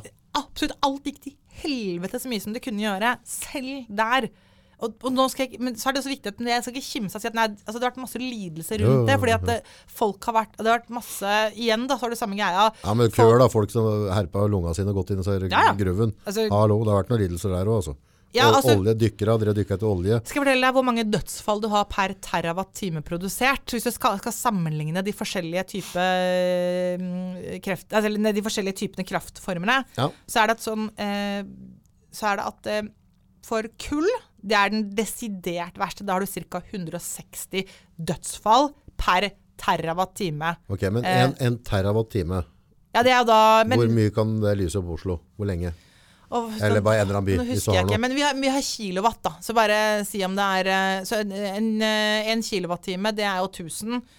Hvor mange det- Ja, det, det, det, er ikke Men det er mye energi. ja, men det er ikke så viktig med hvor mye energi det er, for poenget er at vi sammenligner med samme. Så bare si, si at OK, eh, per, per, bare la oss si per energi. Ja. Per energi 160 dødsfall på, eh, på kull. Ja. For samme mengde energi Ja. så er vi på 0,04 dødsfall per samme mengde energi. Atom. Det er atom. Kokos. Det er ingen andre som er så lave. Vannkraft er faktisk er, altså både Ja, bare bygge det er jo vanskelig. eh, så, så, måte, så vind og vann og sol, alle disse er superlave, altså. De er, ja, de er veldig, veldig lave. Men det er ingen som er så lave som det kjernekraft er. Det er, det er sprøtt, for det, som sagt, jeg, min oppfatning Og det er av inkludert da liksom, altså Tsjernobyl og sånn, selvfølgelig. Ja. Min, min, min oppfatning av den klimakrisa vi har nå i dag, Mm. den genereres av at vi blir mer og mer mennesker på kloden, og vi har et høyere og høyere energiforbruk. Mm. Så enten så må vi finne en måte å produsere mer energi på, Mm. uten å ramponere jorda totalt, eller så må vi, må vi slutte å lage unger. Ja, det er jo også en løsning, selvfølgelig. Ja, men altså Enten må vi bli færre mennesker på kloden, Mm. slutte med den utviklinga. Altså se India, Kina altså, og, og for så vidt andre land. Men det, det er en vanvittig Mm. befolkningsvekst. Og alle skal på en måte Nå er vi mer og mer globalister, det skal bli mer og mer likt. Alle skal ha mer og mer lik standard. Mm. Og det krever energi. Det er akkurat det de gjør. Og det, er grunn, altså, det, må, det må vi skjønne og innse alle sammen. At det, ja, det, energi er, det er hele grunnlaget for, for alt. Da. Det er jo det som er miljøkrisa. Ja. At vi har et for høyt forbruk av energi. Produksjonen av energien er litt stygg. Eller altså ha med seg mye kjølvannet. Og da må vi også huske på, liksom, da skal vi ha det mikrostativet her, det krever energi. Absolutt alt du gjør, krever Alt. energi. Ja. Mm. Så det er, ikke bare, liksom, det, er, det er ikke bare at vi Og klart, og det har et godt isolert hus. Nei. Nei. Nei, nei, nei. Altså, Det men, men, men, alle ting man kan gjøre, det er, det er, bra. Men, men det er litt viktig at vi også stikker fingeren i jorden og passer på at vi ikke på en måte da plutselig føler selv at vi gjør veldig mye, så er det egentlig bare sånn symbol, symbolsaker. Ja, ja. Og det er jo det er jo vel en del eh, som, som kanskje føler at ja, men jeg sorterer søppel og gjør liksom, gjør liksom takker nei til plastpose i butikken, og så drar man på, på ferie til Thailand, da. Mm. Hva, hva tror vi har det største Utslippet. avtrykket Ja, ja, her? Tror vi, at det er, tror vi at det er den flyturen til Thailand, eller er det mm, Kiwi-posen. Kiwi-posen? Er ikke, det er den har vært så tynn nå, så den er ryker hvis du har tre mjølkekartonger. Det er ikke sammenlignbart, altså. det er liksom, så, og det er helt viktig. Og jeg, nå mener ikke jeg noe sånn shaming. Altså, jeg liker Nei, å nei, reise nei, nei, selv, nei. men det er bare viktig at vi faktisk er litt bevisste på det. Det jeg liker med det du driver med, er at du, du ser etter alternative løsninger, istedenfor Mm. at, på en måte, at vi bare skal uh, bare se etter vind eller bare se etter sol. Altså, Mm. vi, vi har òg et eller annet som, som har vist seg å fungere, Mm. men har blitt litt sånn the black sheep eh, på Veldig. feil forutsetninger. Ja. Og det er litt avgjørende. ja. Mens jeg har der, du har sikkert litt historie rundt det òg, for jeg, jeg synes det er veldig mm, Historie generelt er veldig spennende. Altså med hun dama fra Frankrike og Polen. Marie Curie. Marie Curie. Nå skal jeg prøve å huske det. Marie Curie. Men etter annen verdenskrig så ble det kappløp mellom amerikanerne og russerne for å få tak i tyske kjerneforskere, blant Ja. annet. Har du, har du sett, altså var det noe som skjedde i, altså, for da var, jo, da var jo kappløpet i gang med atombomba. Da har vi ikke begynt med kjernekraft, men da begynte den H2-bomba, altså da begynte det, eh, første drogen mot ned i, i Japan, var ikke sant? Hiroshima og Hiroshima. Altså, Først så hadde du selvfølgelig under eh, verdenskrig så hadde du jo også kappløpet mellom da eh, amerikanerne på den ene siden og tyskerne på den andre siden for å da utvikle atombomben. Så du hadde jo et atombombeprogram i, eh, i Tyskland selvfølgelig, ledet av eh, eh, fysikeren Werner Heisenberg. Ja, Ehm, og så, eh, som man kan se også i den kule eh, norske NRK-serien 'Kampen om tungtvannet'. Som er veldig tungtvann vil jeg vite mer om. Ja. Hva er det for noe? Oi, skal vi Altså, hvor, hvor, altså, Ja. Jeg har forskjønt at det er, at, at det er et, ren, altså et superrent vann, er det det? Nei. Nei? Eh, tungtvann er eh, Det er vann, men va vanlig vann det består av det er, altså Vann er H2O. Det vil, si at det er, H2O. det vil si at det er ett oksygenatom, og så er det to hydrogenatomer. Ok, Vanlig hydrogen eh, det består av altså, um, atomkjernen i vanlig hydrogen. det er kun et proton. Ett proton, det er hele Proton, hva er proton? Proton, det er um, Altså atomkjerner generelt består av protoner og nøytroner. Protoner, det er en det er en, Kall det en elektrisk partikkel med en pluss. En Er, er det den som går i bevegelse? Nei, det er elektronene. Ok. Så, men så protonene de har motsatt lading av, eh, av, eh, av elektronene. Har jeg da forstått det rett når du starter en sånn kjernefysisk reaksjon, at Mm. du går inn og så flytter du litt på noen av de greiene der for å forandre på energien? Ja, de deler seg, da, da deler man hele atomkjernen i to. Da tar man, eh, Den blir helt delt i to i, den der, i, i kjerne, et kjernekraftverk. Ok. Ja. Men, eh, men altså, eh, vanlig hydrogen det har en atomkjerne hvor du kun har dette ene protonen. Det er den eneste partikkelen som er i, er i hydrogen. Mens da så kan man lage tungt hydrogen. Og tungt hydrogen, da, har du, da er atomkjernen ikke bare et proton, da er det et proton og et nøytron. Så da er det to partikler i den kjernen istedenfor bare én partikkel. Ok. Og da blir det nesten dobbelt så tungt. Og hvis du da Så det blir tyngre enn vanlig vann? det blir tyngre. No. Så det du gjør da, er at da tar du, da fremdeles, det er fremdeles da eh, på en måte H2O, det er men, men, det, men det er tungt hydrogen istedenfor det vanlige lette hydrogenet. Er det vann i seg sjøl farlig? Det er, det er giftig faktisk, for vanligvis så ville ikke det hatt noe å si, men ja, det vannet er giftig for mennesker, så vidt jeg har forstått det. Altså, du skal ikke drikke mengder av Du av skal det? ikke drikke mengder av, mengder av det, nei. Nei. Det, det skal man ikke. Eh, og det som er med det, det tungtvannet, er at det kan eh, Vanligvis i de fleste de, de vanlige, altså den type altså Det fins forskjellige typer kjernekraftverk. Nå har jeg bare på en måte snakket om kjernekraftverk som at det er én ting. Ja. Og det tror jeg vi skal holde oss til her nå. Men Ja. så den vanligste type kraftverk de bruker vanlig vann. Og faktisk i kjernekraftsammenheng så, jeg kalt, så kaller jeg det for lettvann. Så for å være helt sikker på at man skiller mellom med lettvann det er vanlig vann. Det jeg sitter og drikker her, ta en sluk nå. ja. Det er vanlig vann, det er lett vann. Lett vann, lett vann Ja, rett og slett. Bare for å skille det da fra tungt vann, som da er med tungt hydrogen. Men ellers så er det også, det er også samme liksom, kjemiske formelen H2O, men det er tungt hydrogen. Det tungtvannet, det, har, eh, det kan man også bruke i et kjernekraftverk, og da, eh, og da kan man bruke mye billigere uran. Man slipper å anrike uran, som, man, eh, ja, som også koster penger og koster store ting å gjøre. Så du trenger mindre konsentrat av uran for Ja, vi å kan få si, ting til å vi, smelle? kan, vi, kan si, ja, vi, kan, vi kan si at vi kan bruke mindre, mindre konsentrat av uran. Altså, du, trenger mindre, du trenger mindre mengder av uran, og du trenger å gjøre mindre. Du kan, på en måte, da kan du i større grad ta selvfølgelig satt på spissen, men da kan du mer på en måte, ta uran ut av bakken og så putte den i kraftverk. Og så, men da må du ha det tungtvannet. Så da er det det du må gjøre masse mye jobb med istedenfor. Mens eh, det du vanligvis gjør, at du, du, tar, du bruker vanlig vann, sånn som i Mjøsa her ute, og så Ja. og så må du på en måte gjøre masse greier med uranet først istedenfor. Så enten så, må, så for å få til en kjedereaksjon og få til, energi, få til å produsere energi, så må du enten så må du gjøre masse ting med uranbrenselet ditt for å liksom gjøre det, eller så må du gjøre masse ting med vannet. Så en av, av to må du på en måte gjøre. Og tyskerne de hadde okkupert Norge, og Norge produserte tungtvann, så dermed Hvorfor drev vi med det i Norge da? Det var egentlig, det, vi produserte jo egentlig ikke tungtvann for å produsere tungtvann. Det var vel sånn at, eh, at vi produserte Hva var det vi- drev med på den der fabrikken på Rjukan? Det står litt stille for meg, det er helt flaut, for det har jeg vært flere ganger. Men vi holdt jo på med aluminium uh, også. strømproduksjon blant annet? strømprodu- ja. I hvert fall som et biprodukt av den produksjonen man egentlig hadde på, på Vemork, på, på Rjukan, Ja. så fikk man også tungtvann. Og så um, fant jo tyskerne ut det, hvis jeg har forstått historien riktig, og da sa de liksom ok, dropp alt det andre, vi skal bare produsere dette tungtvannet her. Så da begynte man jo med, med det, da. Så det var jo interessant for, eh, for dem. Mm. Så derav tungtvann. Skriver litt om det også i boken. Stilig. Alle disse tingene her er innom. Så det er kjernefysikk, det er ikke bare kjernekraft. Det er, som, det er jo hva, hva, hva er egentlig disse tingene her, ikke sant? Ja. Men dette var jo allerede da i altså, Den kampen der begynte i, i 40-åra. Ja. Og, og det var i kappløp mellom USA Ja, for du, vi, vi begynte egentlig å snakke om ja, det med, med forskerne. ja.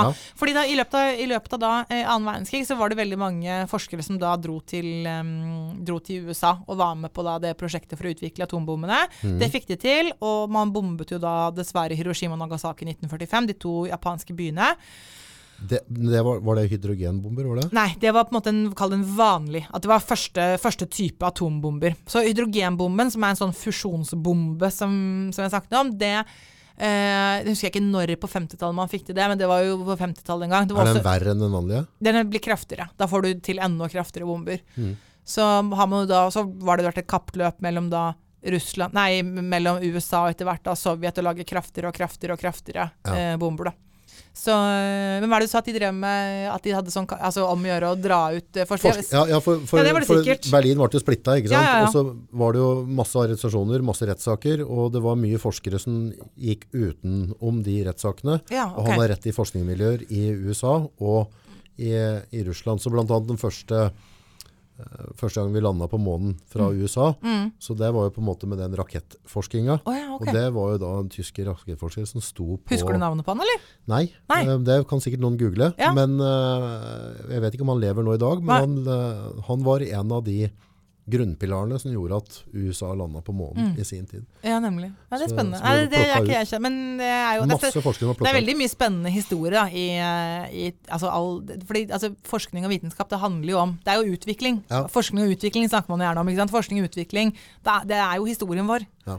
Men det som er da fascinerende, hvis vi går tilbake til 40-50-åra Mm. eh, altså, altså, Vi hadde verken internett, datamaskiner. Der satt folk og skrev på, på papir Mm. og, og satt med kuleramma etterpå og gjorde forskning. Eh, og de fikk til så mye allerede da. Du pratet på de første reaktorene kom i 50-åra, var det det? Ja. Eh, at vi ikke har kommet lenger nå i dag. Eller at vi ikke på en måte har noe Hvorfor, hvorfor er det så mye frykt knøtet oppunder det? Det har vel å gjøre med de ulykkene som har vært. da, Også på en måte har man altså, Det må være noe feilinformering i bildet òg. Ja, det, jeg, jeg, vet, jeg vet ikke hvorfor folk tviholder så innmari på disse tingene. For det er sånn, ja, det er potensielt skadelig, kan, altså, og i, i store doser kan det være farlig osv., men sånn er det med absolutt alt. da. Og jeg har fått spørsmål sånn direkte, ja, men ville du, liksom, ville du bodd ved siden av kjernekraftverk? Jeg hadde ikke hatt noe problem med å bo ved siden av kjernekraftverk i det hele tatt. Altså, klart, men altså, sånn, ideelt sett så vil jeg ikke bo ved siden av noe kraftverk, for det er, det er ikke pent. Nei, nei, nei, Og det, og det er jo det, det, er jo det hele vindmotstanden i stor grad handler om også. Du vil ikke ha, for det er liksom not in my backyard. Eh, men så må man kanskje godta litt i backyard, da. Men, i fall, men jeg, er ikke, jeg er ikke fordi jeg ville vært redd for det i det hele tatt. Jeg ville vært mer redd for å bo nedenfor et vannkraftverk, nedenfor en demning. Hvis det er en puffer, ja. Se for deg det. Og en av de verste sånn energiulykkene, det var jo nettopp en vannkraftulykke i Kina. Banki-dammen som, eh, som brast i jeg tror det var 1978. ja. Og da hadde du da jeg Var det sånn som 200 000 mennesker eller noe sånt som døde ved den ulykken? Yes. For da så er du, først er det, der også vil du ha de som ja, det er en kjempesvakhet ikke med de demningene. Jeg ser for deg terror da, mot en eh, demning. Amerikanere hadde jo, de, forhold til Tyskland, de hadde også demninger. Ja. De hadde sånne der, eh, tønnebomber som fløy, så slapp de, og så spratt de fiskesprett. Oi. Så traff de demninger for å bare slette Oi. ut store områder, industriområder. Ja, så, så, så alt kommer med en kostnad. Ja. Ja, det er, det, ja, det er en risiko på alt. Det er ingenting, altså No such thing as a free lunch. Nei, enkelt og greit. Enkelt og greit. Og, og så Det gjelder selvfølgelig også kjernekraft. Det er ikke, sånn, det er ikke en gratis lunsj, det heller. Nei. Alt kommer med en kostnad. Ja. Og, da, og derfor, må vi, derfor må vi kunne sammenligne, da. F.eks. OK, ja, vi har radioaktivt avfall, men hva slags annet avfall har vi? Og Det er, sånn, det er ikke sånn radioaktivt avfall altså, Det er ikke verre enn andre typer avfall. Nei. Nei. Og, Så- og det blir mindre mengder av det, som gjør at det kan Det blir være lettere, faktisk. Ja, fordi, lettere å kontrollere det, da, så lenge du gjør. Men Ja. nå i dag, med det dere kan nå i dag, så går det faktisk å håndtere det på en ryddig måte. ja. Og nå går vi jo i en verden der vi skal ha mer og mer eh, strømdrevne biler òg. Mm. Eh, og det, det krever jo energi. Altså, du ser, skal du lade en Tesla, det går, det går noe kilowatt. Mm. Eh, så jeg syns det er på høy tid at vi kanskje åpner øya for det du skriver om der. Ja, det, jeg tenker at det er viktig. Altså, jeg, jeg, jeg synes det er litt viktig også å si at det, det er ikke sånn at her finnes det ett riktig altså når, Hvis spørsmålet er hva skal et samfunn gjøre, så finnes det ikke ett riktig svar. For det er, ikke et, det er ikke et svar man kan regne seg fram til å sette to streker under. Fordi vi er mennesker som har med oss våre erfaringer og våre følelser. og Disse, altså disse tingene er en del av å være menneske, det å være et samfunn. Men vi må i hvert fall da, når vi skal ta de avgjørelsene, hva skal, hva skal vi som samfunn gjøre, så er det viktig at vi har med oss fakta for å ta de avgjørelsene, og at da ikke én ting på en måte blir tatt vekk, fordi det er man bare veldig veldig redd for, og så har man på en måte en slags sånn feiloppfatning av hvordan ting er. Det er det jeg mener. Men, men, jeg, men jeg også helt jeg, jeg mener helt klart at du og jeg kan sitte med de samme faktaene, men så, har vi, så er vi forskjellige vi er forskjellige mennesker, vi har forskjellige erfaringer med oss, og så kan vi allikevel komme fram til at for meg så er det ene riktig, mens deg for det er andre riktig. Ja, ja. Og nå, nå snakker jeg ikke om altså, Og da snakker jeg om et sånn type valg som hva skal Norge satse på av sånn Ja, eller sånn. Det, altså, det er akkurat som at du, du kan ikke regne deg fram til om det er feil riktig med innvandring, f.eks. For eksempel, fordi det altså kommer an på du- altså, Ja, hvor du ser det fra. ja, det, er, det er nettopp Men det. samtidig så er det veldig mye forskning eller mye informasjon som har kommet ut. Sånn, det er jo ikke mange år vi skal gå tilbake igjen. Så hvis du spiste rødt kjøtt og et egg hver dag, Mm. så var det garantert med hjerteinfarkt. Eh, Det vet vi nå i dag at det er, eh, det er tull. Okay. Altså, fett skaper ikke hjerteinfarkt. Mm. Altså, det, det er et bra type kolesterol. Eh, og der er- blir det mer og mer enighet rundt. Men vi har hatt 30-40 år Mm. der det har vært veldig, veldig klart at sånn skal det være. Og så ser vi liksom på en måte en åpning. Og så har vi hatt Tsjernobyl. Mm. Vi har vært veldig sånn anstrengte rundt dette der. Men jeg tenker jo, eh, spesielt for de lytterne som hører på også, altså Podkast podcast i seg selv tenker jeg at det er en liten revolusjon Mm. på den måten at det er eh, et langt innhold. Du får nok informasjon til at du kan på en måte tenke selv. Så Mm. ofte dem som gidder å høre på dette her nå i time og halvannen eller hva det nå er, eh, det er tenkende mennesker. Eh, og da synes jeg det er veldig viktig også at vi får fram informasjon. Mm. Og i boka di, hvis du på en måte har noen tanker rundt det med, eh, med den miljøkatastrofen vi står foran nå, hva er det vi får ut av informasjon der? Altså på hvorfor Mm. Nei, altså- skal folk lese det? Ja, det er jo, Den heter jo 'Vi er stjernestøv kjernefysikk for folk flest'. Ja. Så det, og den er jo da skrevet nettopp med altså disse spørsmålene som du har stilt meg her i dag, og som vi har kommet inn på nå. Det er jo ikke første gangen at noen har på en måte nevnt dette her for meg. Nei. Så det er jo et slags svar på det. Men hva var egentlig Tsjernobyl? Hvorfor var det farlig? Så det handler ganske mye om grunnleggende hva er stråling, hva er farlig, hva er ikke farlig. Det kommer disse eksemplene på en måte på eh, ja, dette med flyturer og på en måte sammenligne og osv. Og, og selvfølgelig til slutt så er det også et, et, et eget kapittel om, om kjernekraft. Hva er det, og hvordan fungerer det? Men men de spørsmålene folk har, de fryktene og de, de folk, det folk syns på en måte er skummelt, det har nesten alltid på et eller annet vis å gjøre med stråling og radioaktivitet å gjøre. Så det er mye egentlig for å, for å da forstå. nettopp det. Og så kan man lese den boken, og så kan man selv tenke etterpå Hæ, kanskje, kanskje du får et litt annet syn på Kanskje du ser at «Å, det som jeg var redd for, det er ikke noe å være redd for. Ok, da må jeg, Kanskje jeg faktisk må endre det synet jeg har da. Eller kanskje du ser at det, Nei, men det var altså, så, så Det, det, er, det, er nok, det er nok informasjon det er bakgrunnsinfo, sånn at du faktisk kan, kan ta min egen avgjørelse. Ja, og ta et informert valg. Er ikke det viktig? Informert valg er kjempeviktig. 2020? Ja, det er veldig, veldig Ja. viktig. Så det er selvfølgelig så er det noe skrevet som en slags altså Det nevner jeg innledningsvis, at vi står faktisk i en uh, kjempestor uh, klima, Ja. altså en klimakrise. Ja. Og det at uh, kjernekraft er blitt nærmest så betent at det, det er akkurat som man kan ikke snakke om det politisk engang. Og, da, og veldig mye av det ser jeg Altså, det, det beror på, på myter og misforståelser.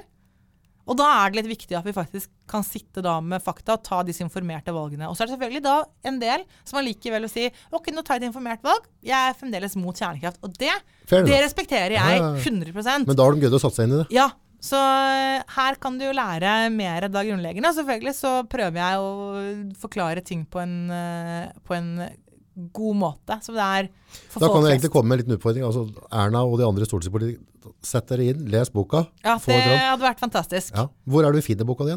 Den finner du, den kan du kjøpe på ark.no f.eks. Der tror jeg den også eh, er 50 kroner avslag hvis man kjøper den der. Ellers så ser jeg at det er veldig mange Nordli-butikker som har tatt den inn, så den faktisk er fysisk i, eh, i butikk. Mm. Men Dette- enten bestille på nett, eller gå til en Nordli-butikk og sjekke om de har Begynner å den. nærme seg å handle julegaver nå. 50, altså 50 Ja, altså, ikke sant? Og for dem som er, er- veldig opptatt av den klima, dem trenger mer informasjon. Den er rosa og ganske lekker, syns jeg. da. Den er veldig veldig meg. Men, men det er altså en populærvitenskapelig bok om kjernefysikk for folk flest. Kult. Sluttmessig, Ja. er det noe du ønsker å, å få sagt til dem som har lyttet på oss? Eh, Så klart så ønsker jeg at de gir oss en tommel opp, og ikke minst benytter seg av kommentarfeltet, for du kommer sikkert til å følge litt med, Ja. så du kan svare der. Få tagge meg da når episoden Det må kommer jeg ut. gjøre. Ja, Ja, mm. jeg tror kanskje den kommer ganske fort. ja, men herlig. Eh, så det, veldig, det betyr veldig mye for oss. Ja. Du har satt av tid, jeg har satt av tid. Ja. Så, så alt vi får av delinger, tomler, spørsmål, Ja. interesse rundt dette Det er, er veldig viktig. Ja. Men sånn avslutningsvis, hva er det du ønsker at dem som har lyttet på skal huske i slutten her nå? Altså hvis det er... Kok dette litt. Eh, at, eh, at det med kjernekraft, det er ikke så svart-hvitt som, eh, som ofte en del kan, kan se ut til å tro. Stråling kan være farlig, men det aller meste er ikke farlig. Det har å gjøre med dose. Jeg tror det må sånn være, hvis jeg bare sier liksom noe veldig kort, og, og selvfølgelig at jeg ønsker at man skal ta informerte valg også om dette. Ja. Fantastisk, Sunniva Rose. Jeg synes det var helt magisk å få lov til å prate med deg. Så neste gang du er i området, så si ifra. For vi har mer å prate om. Ja, det er bra. Tusen takk for at du kom med. Takk.